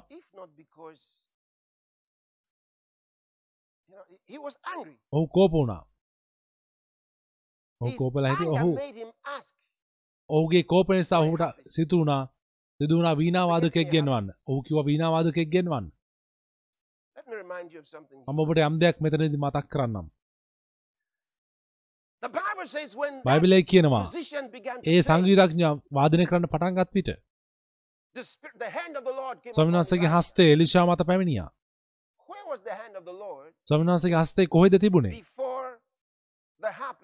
ඒ වීණාවාදකයා වාදනය කරන්න කලින් එතන තිබුණ නැහැ මොකද. මනුෂ්‍යෙක් නිසා නිසා ආත්මන් them ඔහුන් මත පැමිණි පැමිණියා left. ඉන්පසු ඉවත්ව ගියා පැමිණියා left. ඉන්පසු ඉවත්ව ගියා ඉන් පසුව. ඒ නැත්නම් මත ආත්මන්? වහන්සේ He was not බලවත් there. ලෙස පැමිණුවා කොහෙද. ආත්මන් වහන්සේ ඊට කලින් හිටියේ එතන හිටියේ නැහැ ඒ නිසා තමයි උන්වහන්සේ පැමිණියේ. නමුත් අලුත් ගිවිසුමේ මගේ සහෝදර සහෝදරිය යේසුස් වහන්සේ කිව්වා අහන යේසුස් වහන්සේගේ වචන යේසුස් වහන්සේ කිව්වා උන්වහන්සේ ඔබ සමග සිටිනවා. ඔබ තුල සිටිනවා ඉන්. පසුව ආත්මන් වහන්සේ පැමිණියා had told them, "This උන්වහන්සේ ඔවුන්ට කියා තිබුණා මේ ආත්මන් වහන්සේ forever." සදාකාලටම ඔබ ඔබලා සමග සිටිනවා. දැන් ආත්මන් වහන්සේ. අප තම අප සමග සිටිනවා go and උන්වහන්සේ යනවා එනවා Doesn't නෙමෙයි ඔබට මොන වගේ cold, දැනුණත් රස්නේ සීතල. දැඩි ලෙස නැත්තම් සෙලවුණත් මොන දෙයක් වුණත් ඔබට වෙනසක් වෙන්නේ නැහැ. උන්වහන්සේ ඔබ සමග සිටිනවා. ඔබට පුළුවන් උන්වහන්සේගේ වචනේ විශ්වාස කරන්න.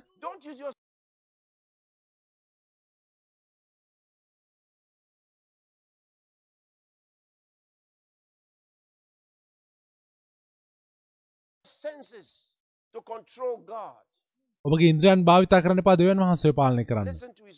උන්වහන්සේගේ වචනට මොකද උන්වහන්සේගේ වචන අනුගමනය කරන්න උන්වහන්සේගේ වචනය තුළ ජීවත් වෙන්න. ඔබ පුදුම වෙයි. ආත්මන් වහන්සේගේ නිදහස්කම ගැන.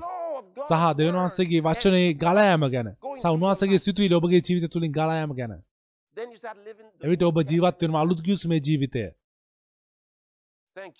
ස්තුතියි යේසුස් ස්වාමිනී. Glory වහන්සේට to මහිම God. වේවා. Glory වහන්සේට to God. මහිම වේවා. දෙවියන් වහන්සේට මහිම වේවා බලන්න නැවතත් ඒ බයිබල් පදය අපි ඉන්නේ පස්වෙනි පදේ. මම මිදිවද මමය නුඹලා අතුය. මම නුඹ He's- Remember in verse 4. Go back to මත verse තබා ගන්න හතරවෙනි පදේ. මා තුළ Remain පවතින in me. මා මමත් මා තුළ පවතින්නෙමි. මා තුළ පවතින්න. මා තුළ පවතින්න So he doesn't want you coming නිසා උන්වහන්සේට අවශ්‍ය නැහැ ඔබ යන එන "And එක. උන්වහන්සේ කියනවා මා නුඹලා the terminology there මෙතන තිබෙන වචන ඉතා පැහැදිලිව පෙනෙනවා. මා තුළ පැවතෙන මමත් නුඹලා තුළ පවතින්නෙමි Okay. හොඳයි. As the branch cannot bear අත්ත fruit මිදිවලේ itself, නොපවතී නම් තනියම the දරන්න බැරුවක් වෙන නුඹලා මා. තුළෙහි නොපවති වුනම් පල දරන්නට නුඹලාට බැරිය. පහ මිදිවල මමය නුඹලා abideth යමෙක් මා පවතිනේද I මම ඔහු him. තුළෙහි පවතිම්ද That means ඒ නිදහස් වෙන්නේ. ඔබ මා තුළ සිටිනවා මම ඔබ තුළ සිටිනවා ඔබ තුළ වාසය කරනවා ඔබ තුළ. සිටිනවා එනවා යනවා නෙමේ.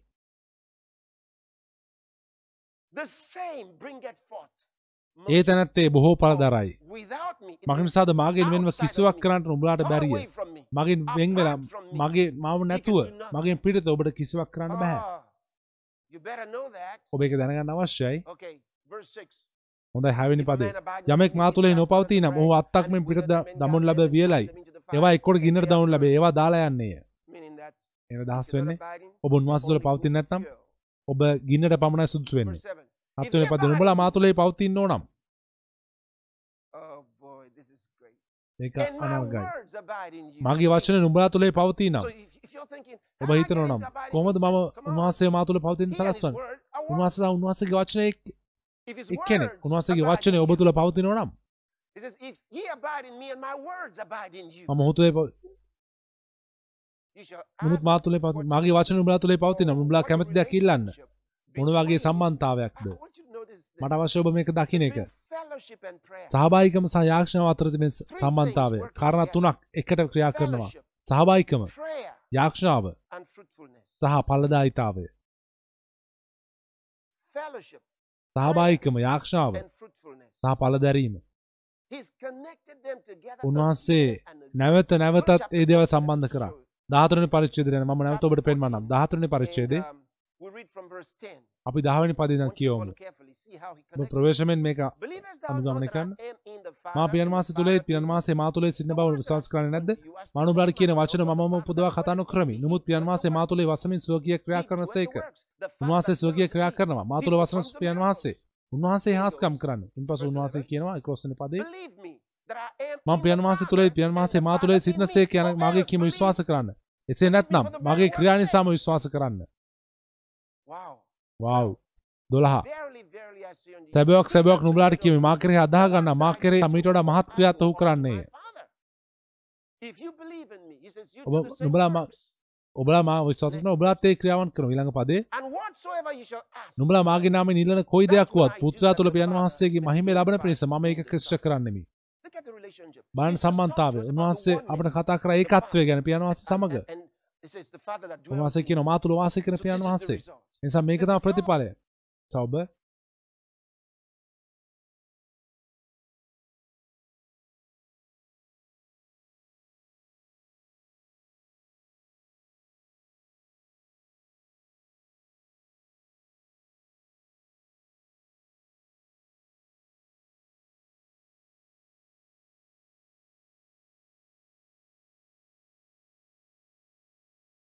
Okay, look at it. If ye abide in me and my words abide in you, you shall ask what you will. And it shall be done unto you. Of course, these are different मागे वाचन नम्रातले पावतीन Okay, whether you're asking, demanding, वाचन ಒಬ್ಬ ಇಲ್ಲುವತ್ ಅನಕರತ್ ಏಕೋಬಗೆ ಖಾತಾ ಕರಬು ವಾಚನೆ the ಆಗ್ತಿ ವಿಶ್ವಾಸಗೆ ನಾಮೆ ಏ ಪ್ರತಿಪಾಲ ದೇವನಾಸಗೆ ಬಾಳೆ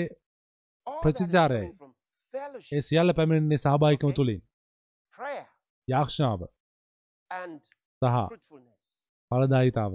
And this is how you bring glory to the Father. You ඵල say, දැරීම. මේ විදිහට තමයි ඔබ පියාණන් වහන්සේ විතර මහිමය ගෙනන්නේ. "And My words abide in you. මගේ වචන නුඹලා තුනේ පවතින නම් නුඹලා කැමති දෙයක් ඉල්ලන්න. එවිට නුඹලාට ලැබේ. වෙනසක් නැහැ කියලා උන්වහන්සේ කියනවා. ඔබ කැමති දේ And it ඉල්ලන්න. shall be done unto you. එවිට නුඹලාට ලැබේ. Oh. බලන්න මේක. උන්වහන්සේ මෙතන කතා කරා. සම්බන්ධතාවය ගැන. My words මා abide තුළ in you. පවතින මගේ වචන නුඹලා තුළ පවතිනවා නම් ඔබ ඉල්ලන්න. glorified, කියනවා that පියන් bear මට ප්‍රේම fruit." කළක් මෙන් මමත් නුඹලාට ප්‍රේම කළමි. මගේ ප්‍රේමෙහි පවතින්න. සම්බන්ධතාවය. more? මගේ පියන් වහන්සේට ගෞරව Verse ලැබෙන්නේ 16. නුඹලා විසින් බොහෝ ඵල Same book, දැරීමෙන්. same chapter. මෙසේ නුඹලා මගේ ගෝලයෝ වන්නෝය. Ye have දාස not වෙනි පදේ. නුඹලා මා තෝරාගත්තා නෝ මම නුඹලා තෝරාගෙන පත් කළෙමි. එසේ කළේ නුඹලා ගොස් පිණිසත් fruit. නුඹලාගේ ඵල පවතින පිණිසත්. Oh. මට කවදාවත් අමතක වෙන්නේ නැහැ. මම it කියවපු විට. ඒක මගේ ජීවිතේ වෙනස් කරා. was 1980. 1980 දී. මම මේ වචනේ කියෙව්වා. මාව පරිවර්තනය කරනු ලැබුවා. මම දැනගත්තා. මම ඕනෑම දෙයකට සූදානම් බව. මම දැනගත්තා හැම "You have not යක්ෂයෙක්ම මට හුම්කන් දිය යුතු බව. උඹලා that මාත් you should go තෝරාගත්තා no and මම bring නුඹලා forth තෝරාගෙන fruit." පත් කළේ මෙසේ කියලා නුඹලා He ගොස් says, ඵල "I'm දරන පිණිසත්. ordained to receive මම කිව්වා. හැම යක්ෂණට පිළිතුරක් ලබන්න මාව ordained to තෝරාගෙන receive තිබෙනවා. ප්‍රතිඵල ලබන්න මම තෝරාගෙන තිබෙනවා මාව. බලන්න ඒක. Says, "You have not chosen me, but උඹලා මා chosen තෝරාගත්තා නෝ you මම නුඹලා තෝරාගෙන පත් කළේ මෙසේ කියලා go ගොස් and ඵල bring දරන forth පිණිසත්. fruit." And I said, "And නුඹලාගේ ඵල lasting පවතින පිණිසත්. results." Because it ඵල says, "And that පවතින your ඵල. fruit should remain." උන්වහන්සේ කියන නුඹලාගේ ඵල පවතින That පිණිසත්. whatsoever you shall මාගේ ask නාමයෙන් the පියාණන් වහන්සේගේ in ඉල්ලන කොයි දෙයක් නමුත් උන්වහන්සේ give දෙන පිණිසත්ය. මම කිව්වා මම ඒ දේ I'm කරා. done. I'm ordained to receive an මාව answer to තෝරාගෙන පත් කර තිබෙනවා. හැම results, පිළිතුරු ලබන්න the දරන්න.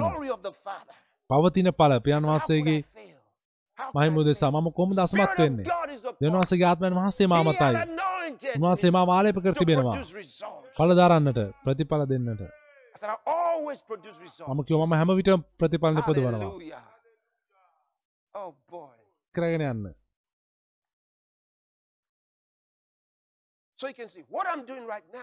එනිසා ඔබට දකින්න පුළුවන් මම දැන් කරන දේ. ඒ ශුද්ධ ලෙවිලි කොටසෙනුයි. මව තෝරාගෙන තිබෙනවා මව පත් කර තිබෙනවා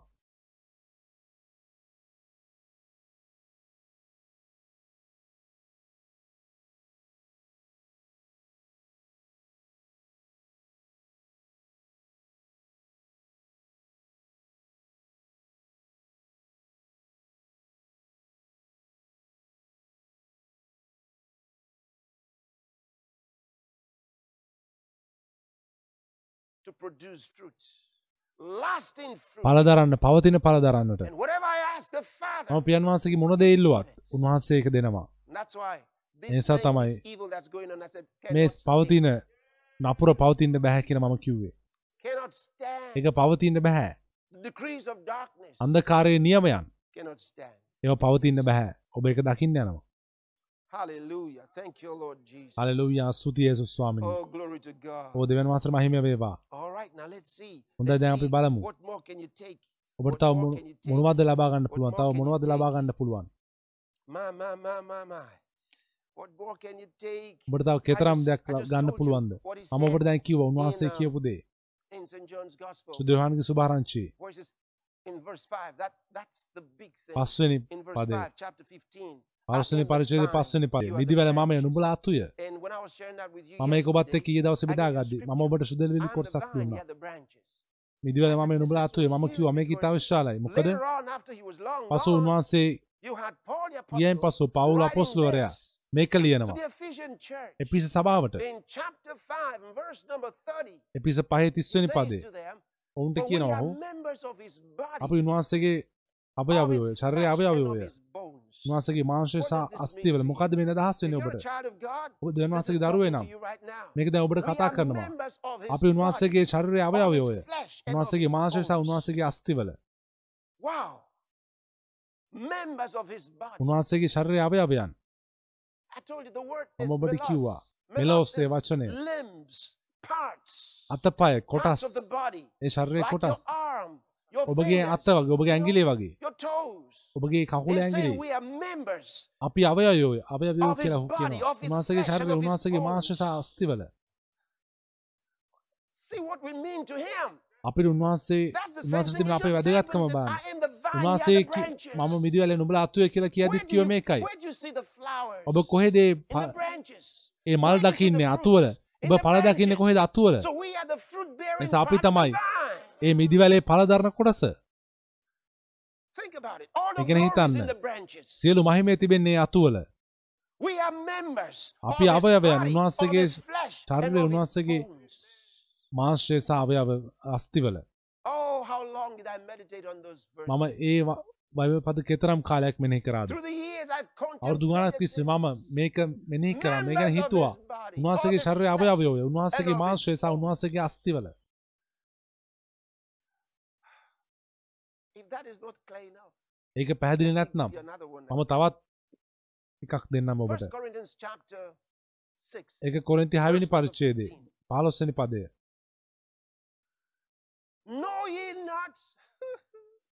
නුඹලාගේ ශරීරය ක්‍රිස්තුස් වහන්සේගේ අවයවයන් බව නුඹ දන්නේ ශරීරය Pastor Titi. පාසුටිටි. මේ මුළු ශරීරය says, ඔබගේ මුළු know? ඔබ දන්නේ නැද්ද? ඔබ දන්නේ. නැද්ද? බලන්න "Don't එක." you know?" ඔබ දන්නේ නැද්ද ඔවුන්ට ඒක කියන්නේ මොකද ඔහු way ඔවුන් ජීවත් it. ඔවුන් එක තේරුම් ගත්තේ නැහැ කියන ආකාරයෙන් උන් ජීවත් වුණු බව ඔහු දැක්කා. දැන් ඔහු අවධාරණය කරනවා ඔහු ඔවුන්ගෙන් මෙතර bodies කෑ ගහනවා ඔබ දන්නේ නැද්ද ඔබගේ ශරීරය වහන්සේගේ මෙලෝස් බව ඔබගේ. ශරීරය ක්‍රිස්තුස් වහන්සේගේ අවයව. මෙලෝස් බව අවයවයන් බව දන්නේ නැද්ද ඔබගේ ශරීරය. ක්‍රිස්තුස් වහන්සේගේ අවයවයන් අපි උන්වහන්සේගේ. අත අපි උන්වහන්සේගේ? කකුල් ඔබට තේරෙන්නේ නැත්ද. අපි උන්වහන්සේගේ ඇඟිලි? ඔබට ඒක තේරෙන්නේ නැද්ද. ඔබගේ ශරීරය ක්‍රිස්තුස් වහන්සේගේ අවයවයන්? ඔබ දන්නේ නැද්ද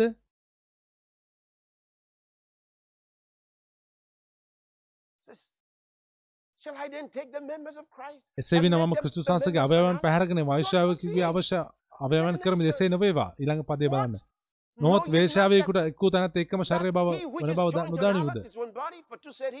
flesh. මනිසා දෙදෙනම එක මාශයක් වන්න joined උන්වහන්සේ unto කියන the සේක Lord නමුත් ස්වාමීන් වහන්සේ එක්කූ තැනැත්තේ. එකාත්මය ඔබ දන්නේ නැද්ද ඔබගේ ශරීර ක්‍රිස්තුස් වහන්සේගේ අවයවයන් බව නිසා අපි අවයවයන් උන්වහන්සේගේ ශරීරයේ උන්වහන්සේගේ මාංශයේ සහ උන්වහන්සේගේ. අස්තිවල Oh. ඕ දෙවියනි හිතන්න. ඔබ මේක දැනන් හිටියනම් Romans chapter 8 verse from verse 9 will make sense to you. රෝම අටේ නවනි පදෙසිට ඔබට තේරෙනවා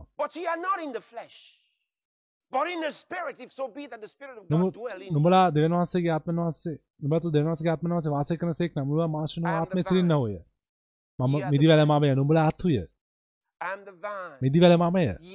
නුඹලා vine. මිදිවැල මමය නුඹලා. අතුය. මිදිවැල මමය. නුඹලා අතුය නුඹලා මාංශය. නොව ආත්මෙන් වහන්සේ spirit සිටින්නේ නම්.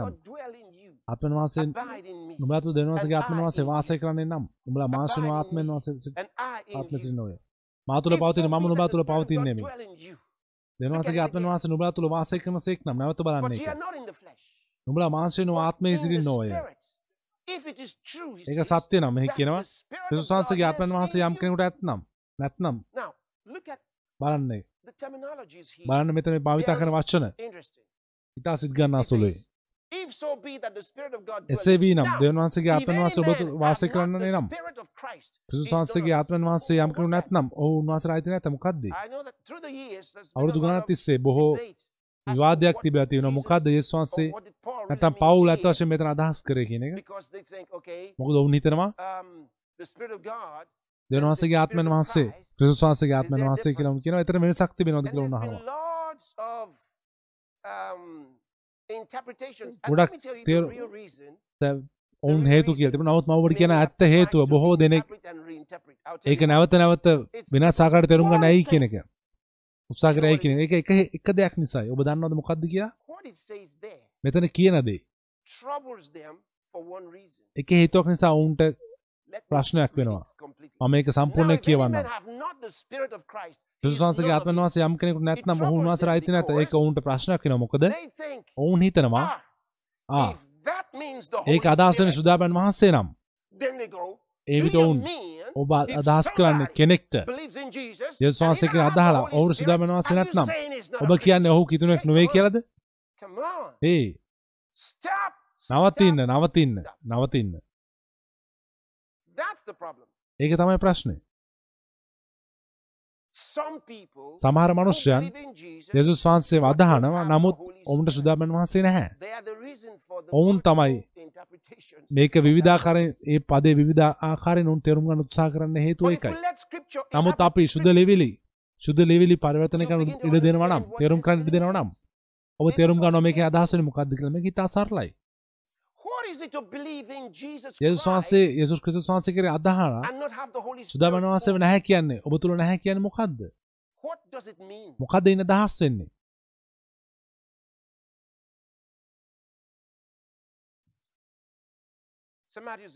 chapter මතය සුභාරංචියේ 13. 13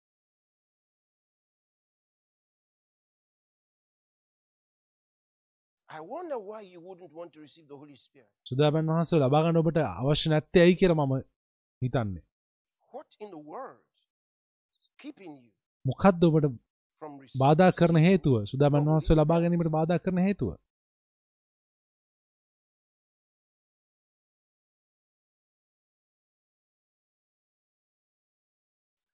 So, verse 44. 44 වෙනි Matthew පදය chapter 12, verse 44. මතේ 12 වෙනි පරිච්ඡේදය 44 වෙනි පදය Well, let me read it from verse 43 to be better. මම from verse 43 සිට 43. So කියවන්නම් 12, මතේ from verse සුභාරංචියේ 43. 12 වෙනි When පරිච්ඡේදය the 43 වෙනි unclean පදය spirit is අපරිසුදු ආත්මය මනුෂ්‍යයෙකුගෙන් දුර්ව ගිය කල්හි ඔහු දිය නැති තැන්වල ඇවිදමින් විශ්‍රාම සොයා. Then he මම පිටත්වා මගේ ගෙට හැරී යමි කියයි. ඔහු එහි පැමිණ කල ඒගේ හිස්ව අතුගා. සරසා තිබෙන බව දකී. එවිත් ඔබ නැවත උත්පාදන ලැබූ විට ඔබට සුදාමන් වහන්සේ ඔබ තුළ නැත්නම්. ඒක ඔබේ තත්ත්වය විස්තර කරන ම ඔබට කිව මත මතක තබාගන්න. ඔබ නැවතුත් පද ලබදම සුදාමන් වහන්සේ මගේ නැවතුත් පදන කරන ඔබ දෙනවාසේ ග්‍රහ බට පත්වෙන ඉතන් දෙනවාසේ ග්‍රහය හදලා ඒක හිස්ව තිබෙනවනම් අතුගා තිබෙනවා. සරසා තිබෙනවා. ඒසක සරසලා තියෙනවා. එක නමුත් එක හිස් වෙනත් වචනලින් කියනවා නම් කවුරුත් ඒ තුළ ජීවත් වෙන්නේ නැහැ.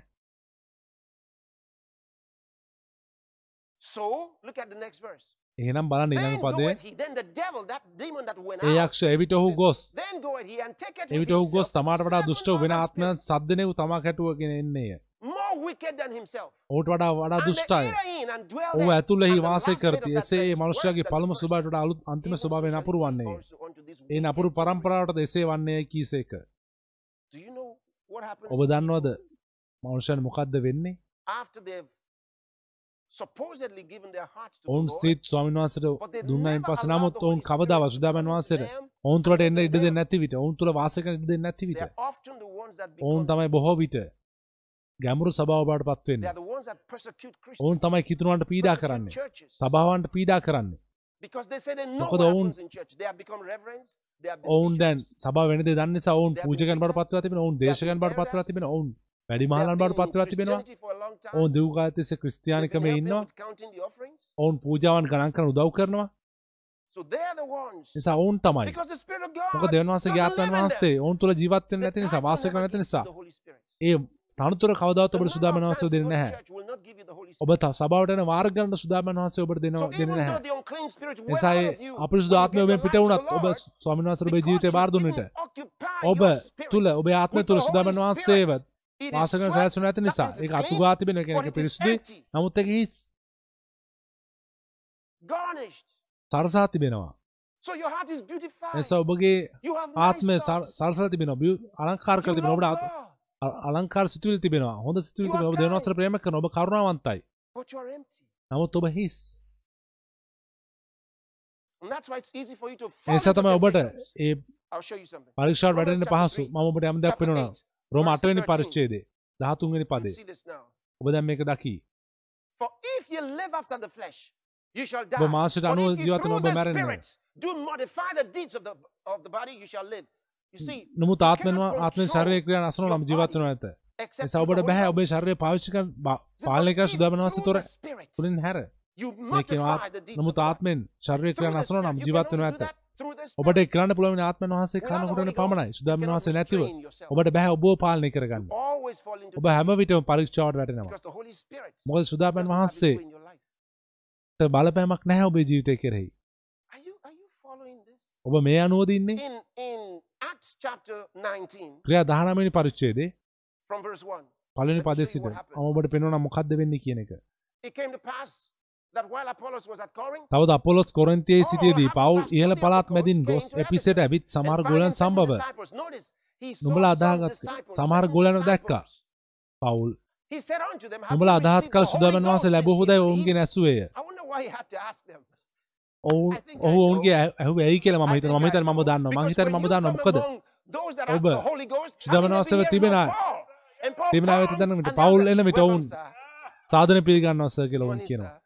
සුබ Welcome, උදෑසනක් sir. If sir. they had the Holy Ghost, සුදාමන් man, වහන්සේ don't ඔව්- go, brother. සුදාමන් වහන්සේ You ඔවුන් know, හිටියේ නම් they ඔවුන් මේ වගේ.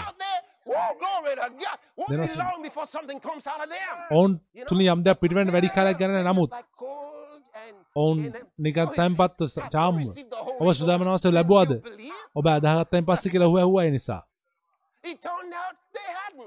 ඔවුන් ලබාගෙන තිබුණේ නැහැ. බලන්න. Received the Holy Ghost since you believe? නුඹලා And they අදාහගත් said, කර සුදාමන් වහන්සේ ලැබුව හොදයි ඔවුන්ගෙන් ඇසුවේ ඔහු ද නැත සුදාමන් වහන්සේ ඇති බවවත් නොඇසීමයි කීවෝය. සුදාමන් වහන්සේ කියලා කෙනෙක් ඉන්නවා කියලාත් ඔවුන් අහලා තිබුණේ නැහැ. නිසා ඔහු පුදුම වුණා. ඊළඟ පදේ බලන්න. එසේ විනම් නුඹලා මොන බෞද්ධිස්මයක් ලැබුව හොදයි ඔහු ඇසුවේය යොහන්ගේ බෞද්ධිස්මය ඔහු කිව්වෝය. පවුල් කතා කොට පුදුමයක් නැහැ මම දැන් දන්නවා ඔහු පැහැදිලි කරා ඔවුන්ට ඉන්පසුව You get to verse එසා ඔබ 6. හයවැනි පදයට එනවා. ඔවුන්ට පවුල් පැහැදිලි had කළ. පවුල් ඔවුන් පිට upon අත්බුක් කළ. them, සුදාමන the වහන්සේ Holy ඔවුන් on පැමිණිසේක ඔහු භාෂාවලින් tongues කතා කරමින් අන අනාගත prophesied. වාක්‍ය කීවෝය. ඔවුන් මත අත්තැබුවා සති කීපයට කලින් අපි මේ විකාශය කරන විට "I මම කිව්වා pray for you to receive the Holy Ghost." සුදාමන වහන්සේ ලබන්න. ඔබට අවශ්‍ය ඔබට යාක්ෂා කරනක සභා පාලකරු හතරක් හිටියා. හතරක් ඔවුන් හතර දෙනෙක් ඔවුන් කලින් සුදාමන වහන්සේ ලැබුව නැහැ කියලා හිතනවා. කිව්වා නමුත් ඔවුන් ඉන්න ස්ථානේ ඔවුන් හිටපු ස්ථානේ ඔවුන් that they සුදාමන cannot වහන්සේ speak in ලැබුවා ඔවුන් tongues. අන් භාෂාවලින් කතා කරන්න පටන් ගත්තා. were කියන්න ගත්තා. මේ happened to දෙන. වසර ස්තුතියි ඔබට සිදු වෙච්ච දේ නිසා. යෝග in මත් දවසේ prayer. මම යාක්ෂා වෙන ඔබට මඟ පෙන්වන්න යනවා ඔබ බොහෝ දෙනෙක් සුදාමන වහන්සේ Just get ලබන්න යනවා. ඔබ සූදානම් කරගන්න. ඔබ සූදානම් කරගන්න මොකද සුදාමන you වහන්සේ can't go නැතුව. ඔබට බෑ වැඩි දුරක් යන්න සුදාමන් වහන්සේ තමයි මම need කිව්වා. නැවත ඒක තේරුම් ගන්න? අවශ්‍ය නැහැ මොකද ක්‍රිස්තුස් වහන්සේගේ ආත්මය කියන්නේ අපි බලමු. දේවචන මොකක්ද කියන්නේ කියලා නැවත යන්නේ nine. පදයට නමවෙනි පදේ chapter 8. අටවෙනි පරිච්ඡේදයේ රෝම පොතේ But ye are not in the flesh, but in the Spirit. If so be that the Spirit of God dwell in නමුත්. නුඹලා තුළ දෙවියන් වහන්සේගේ man වහන්සේ වාසය කරන සේක් නම් නුඹලා මාංශය වෙනවා ආත්මය he's සිටින නොවේ ක්‍රිස්තුස් වහන්සේගේ ආත්මයන් වහන්සේ යම් thing. නැත්නම් ඔහු In උන්වහන්සේ fact, නැත. ඒ දේම saying, තමයි කියන්නේ. uh, මෙතන the වහන්සේගේ of වහන්සේ සහ ක්‍රිස්තුස් වහන්සේගේ because වහන්සේ කියලා වෙන් කරන්න හේතුව තමයි අපොස්තුලෝරයා මේ පදේ පැහැදිලි කරනවා. ක්‍රිස්තුස් වහන්සේගේ දේවත්වය ඔහු කියන උත්සාහ කරන්නේ දෙවියන් වහන්සේගේ ආත්මන වහන්සේ. ක්‍රිස්තුස් වහන්සේගේ ආත්මන වහන්සේමයි. ක්‍රිස්තුස් වහන්සේ දෙවියන් වහන්සේ බවයි අපොස්තුලෝරයා ඔබට කියන උත්සාහ කරන්නේ He's telling that Christ is ඔහු God. කියන්නේ ක්‍රිස්තුස් වහන්සේ දෙවියන් වහන්සේ බව Hallelujah. Okay. Hallelujah. Just, හොඳයි. just for the records. වාර්තා උදෙසා? කවුද ක්‍රිස්තුස් වහන්සේගේ ආත්මය Is it, is it the same as the Spirit of God? දෙවියන් වහන්සේගේ ආත්මන වහන්සේමද?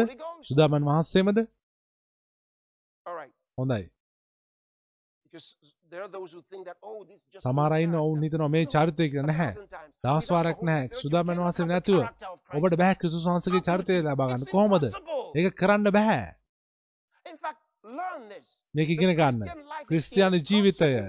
ජීවත් වෙන්න බෑ. කවදාවත් ක්‍රිස්තුස් සුදාමන් වහන්සේ නැතුව. යේසුස් වහන්සේට The සුදාමන් වහන්සේ සිටිය යුතුව. තිබුණා. අපොස්තලවරුන්ට සුදාමන් වහන්සේ සිටිය යුතුව තිබුණා. නමුත් ඔබ හිතනවද ඔබට සුදාමන් වහන්සේ අවශ්‍ය නැහැ කියලා ඔබ මොන වගේ ක්‍රිස්තියානි ජීවිතයක් ජීවත් වෙන්න යනවද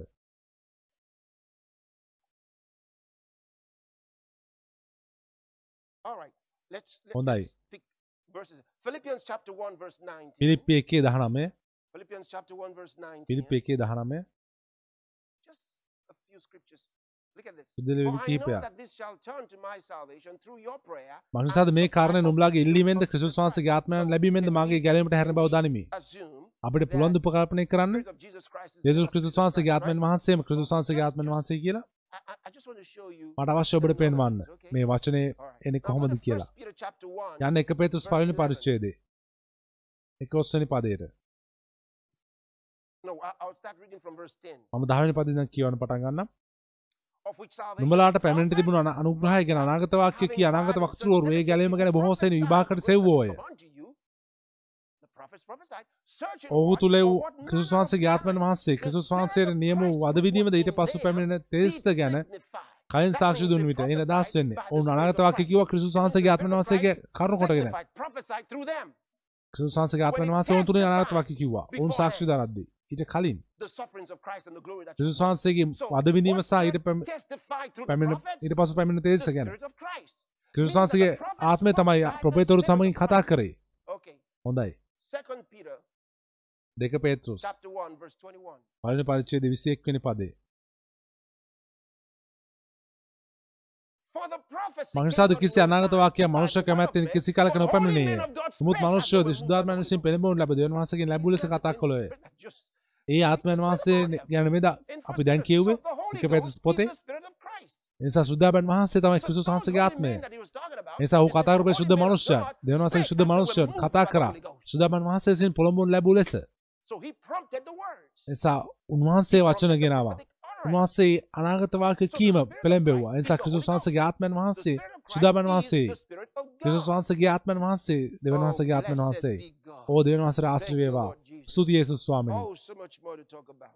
බොහෝ දේවල් තිබෙනවා කතා කරන්න. නමුත් මට දැන් අද මෙතන නවත්වන්න අවශ්‍යයි. Never වෙනවා. ඔබ නැවත උත්පාදන ලබා නැත්නම් මේ ඔබේ මොහොතයි. ගැලීම ලබා ගැනීමට බයිබලයේ ආකාරයට. මේ ඔබේ මොහොතයි.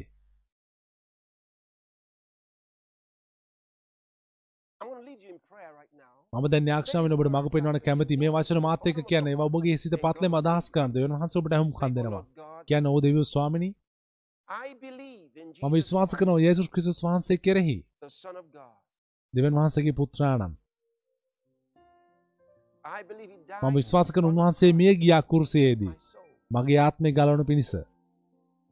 I believe God මම විශ්වාස කරනවා the වහන්සේ උන්වහන්සේව මලවුන්ගෙන් නැගිටෙව්වා. සහ. උන්වහන්සේ අද දවසේ ජීවමානව සිටිනවා. මම. මගේ මුඛයෙන් ප්‍රකාශ කරනවා. යේසුස්. ක්‍රිස්තුස් වහන්සේ මගේ ජීවිතයේ ස්වාමින් වහන්සේ බව.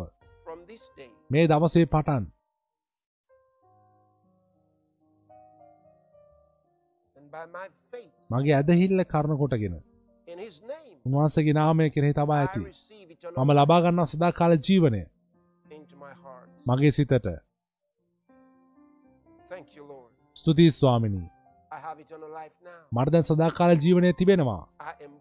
මම නැවත උත්පාදනය ලැබුවෙක්. මම වහන්සේගේ දරුවෙක්. මේ දවසේ පටන්. Amen. ආමෙන්. ඔබේ යාක්ෂාව the මට Lord අවශ්‍ය ඔබ heard you දැනගන්න and දෙවියන් he වහන්සේ ඔබට හුම් කඳුන උන්වහන්සේ ඔබට පිළිතුරු දුනා. right now. මං කැමති ඔබ සදන යාක්ෂා කරන්න. පියාණන් ස්වාමී යේසුස් වහන්සේගේ නාමයෙන් මම යාක්ෂා කරනවා හැම කෙනෙකු දෙසාම. දැන් ගැලීම ලැබුවා වූ the name of the Lord ස්වාමී Jesus යේසුස් වහන්සේගේ නාමයෙන් ඔවුන් කෙරෙහි නම් කරනු ලැබේවා. Satan has no claim තාතන්ට ඔවුන් කෙරෙහි තවදුරටත් කිසි අයිතියක් They නැහැ. belong to Jesus ඔවුන් Christ, යේසුස් the Son ක්‍රිස්තුස් of the වහන්සේ living God. ජීවමාන දෙවියන් වහන්සේගේ පුත්‍රයන්ට අයිති. Bless them with මම your ඔවුන්ට ආශිර්වාද කරන ඔබගේ with වචනයෙන්, your love, ඔබගේ ප්‍රේමයෙන්, with your grace. ඔබගේ අනුග්‍රහයෙන් I bless them මම with ඔවුන්ට the ආශිර්වාද Spirit කරනවා දෙවියන් of වහන්සේගේ God. In ආත්මයන් the name of වහන්සේගෙන්. Jesus. යේසුස් වහන්සේගේ නාමයෙන්. Amen. Amen. Praise the Lord. You are ස්වාමීන් වහන්සේට blessed ප්‍රශංසාව ඔබ ආශිර්වාද ලැබුවා. ඔබ අද දවසේ ආශිර්වාද ලැබුවා. යේසුස් වහන්සේගේ නාමයෙන්. You have a වේවා. පොතක් තිබෙනවා. ඔබට. පුළුවන් ඒක බාගත කරන්න දැන්. ඒ කේත. අංකයක් තිබෙනවා මේ ස්ක්‍රීන් එකේ යට. ඔබට පුළුවන් ඒ කේතේ භාවිත කර මේ පොත. ලබා ගන්න දවසේ. ඔබට පුළුවන් ජේසුස් වහන්සේ ගැන ඉගෙන ගන්න පටන් ගන්න. සහ ඔබ දැන් ලබාගත් ජීවිතය පිළිබඳව. ඔබගේ ඇදිල ශක්තිමත් ලෙස ගොඩනගා ගන්න පුළුවන් ඔබට. Praise God. ප්‍රශංසා Write us- වේවා. අපට ලියන්න අපට දැනුම් දෙන්න. ඔබගේ today. අද දවසේ So glad ගැනීම ලැබුවා නම් අපි ඔබෙන් අහන්න ප්‍රීති වෙනවා. අපි කැමති ඔබ සාක්ෂා කරන්න. God bless you.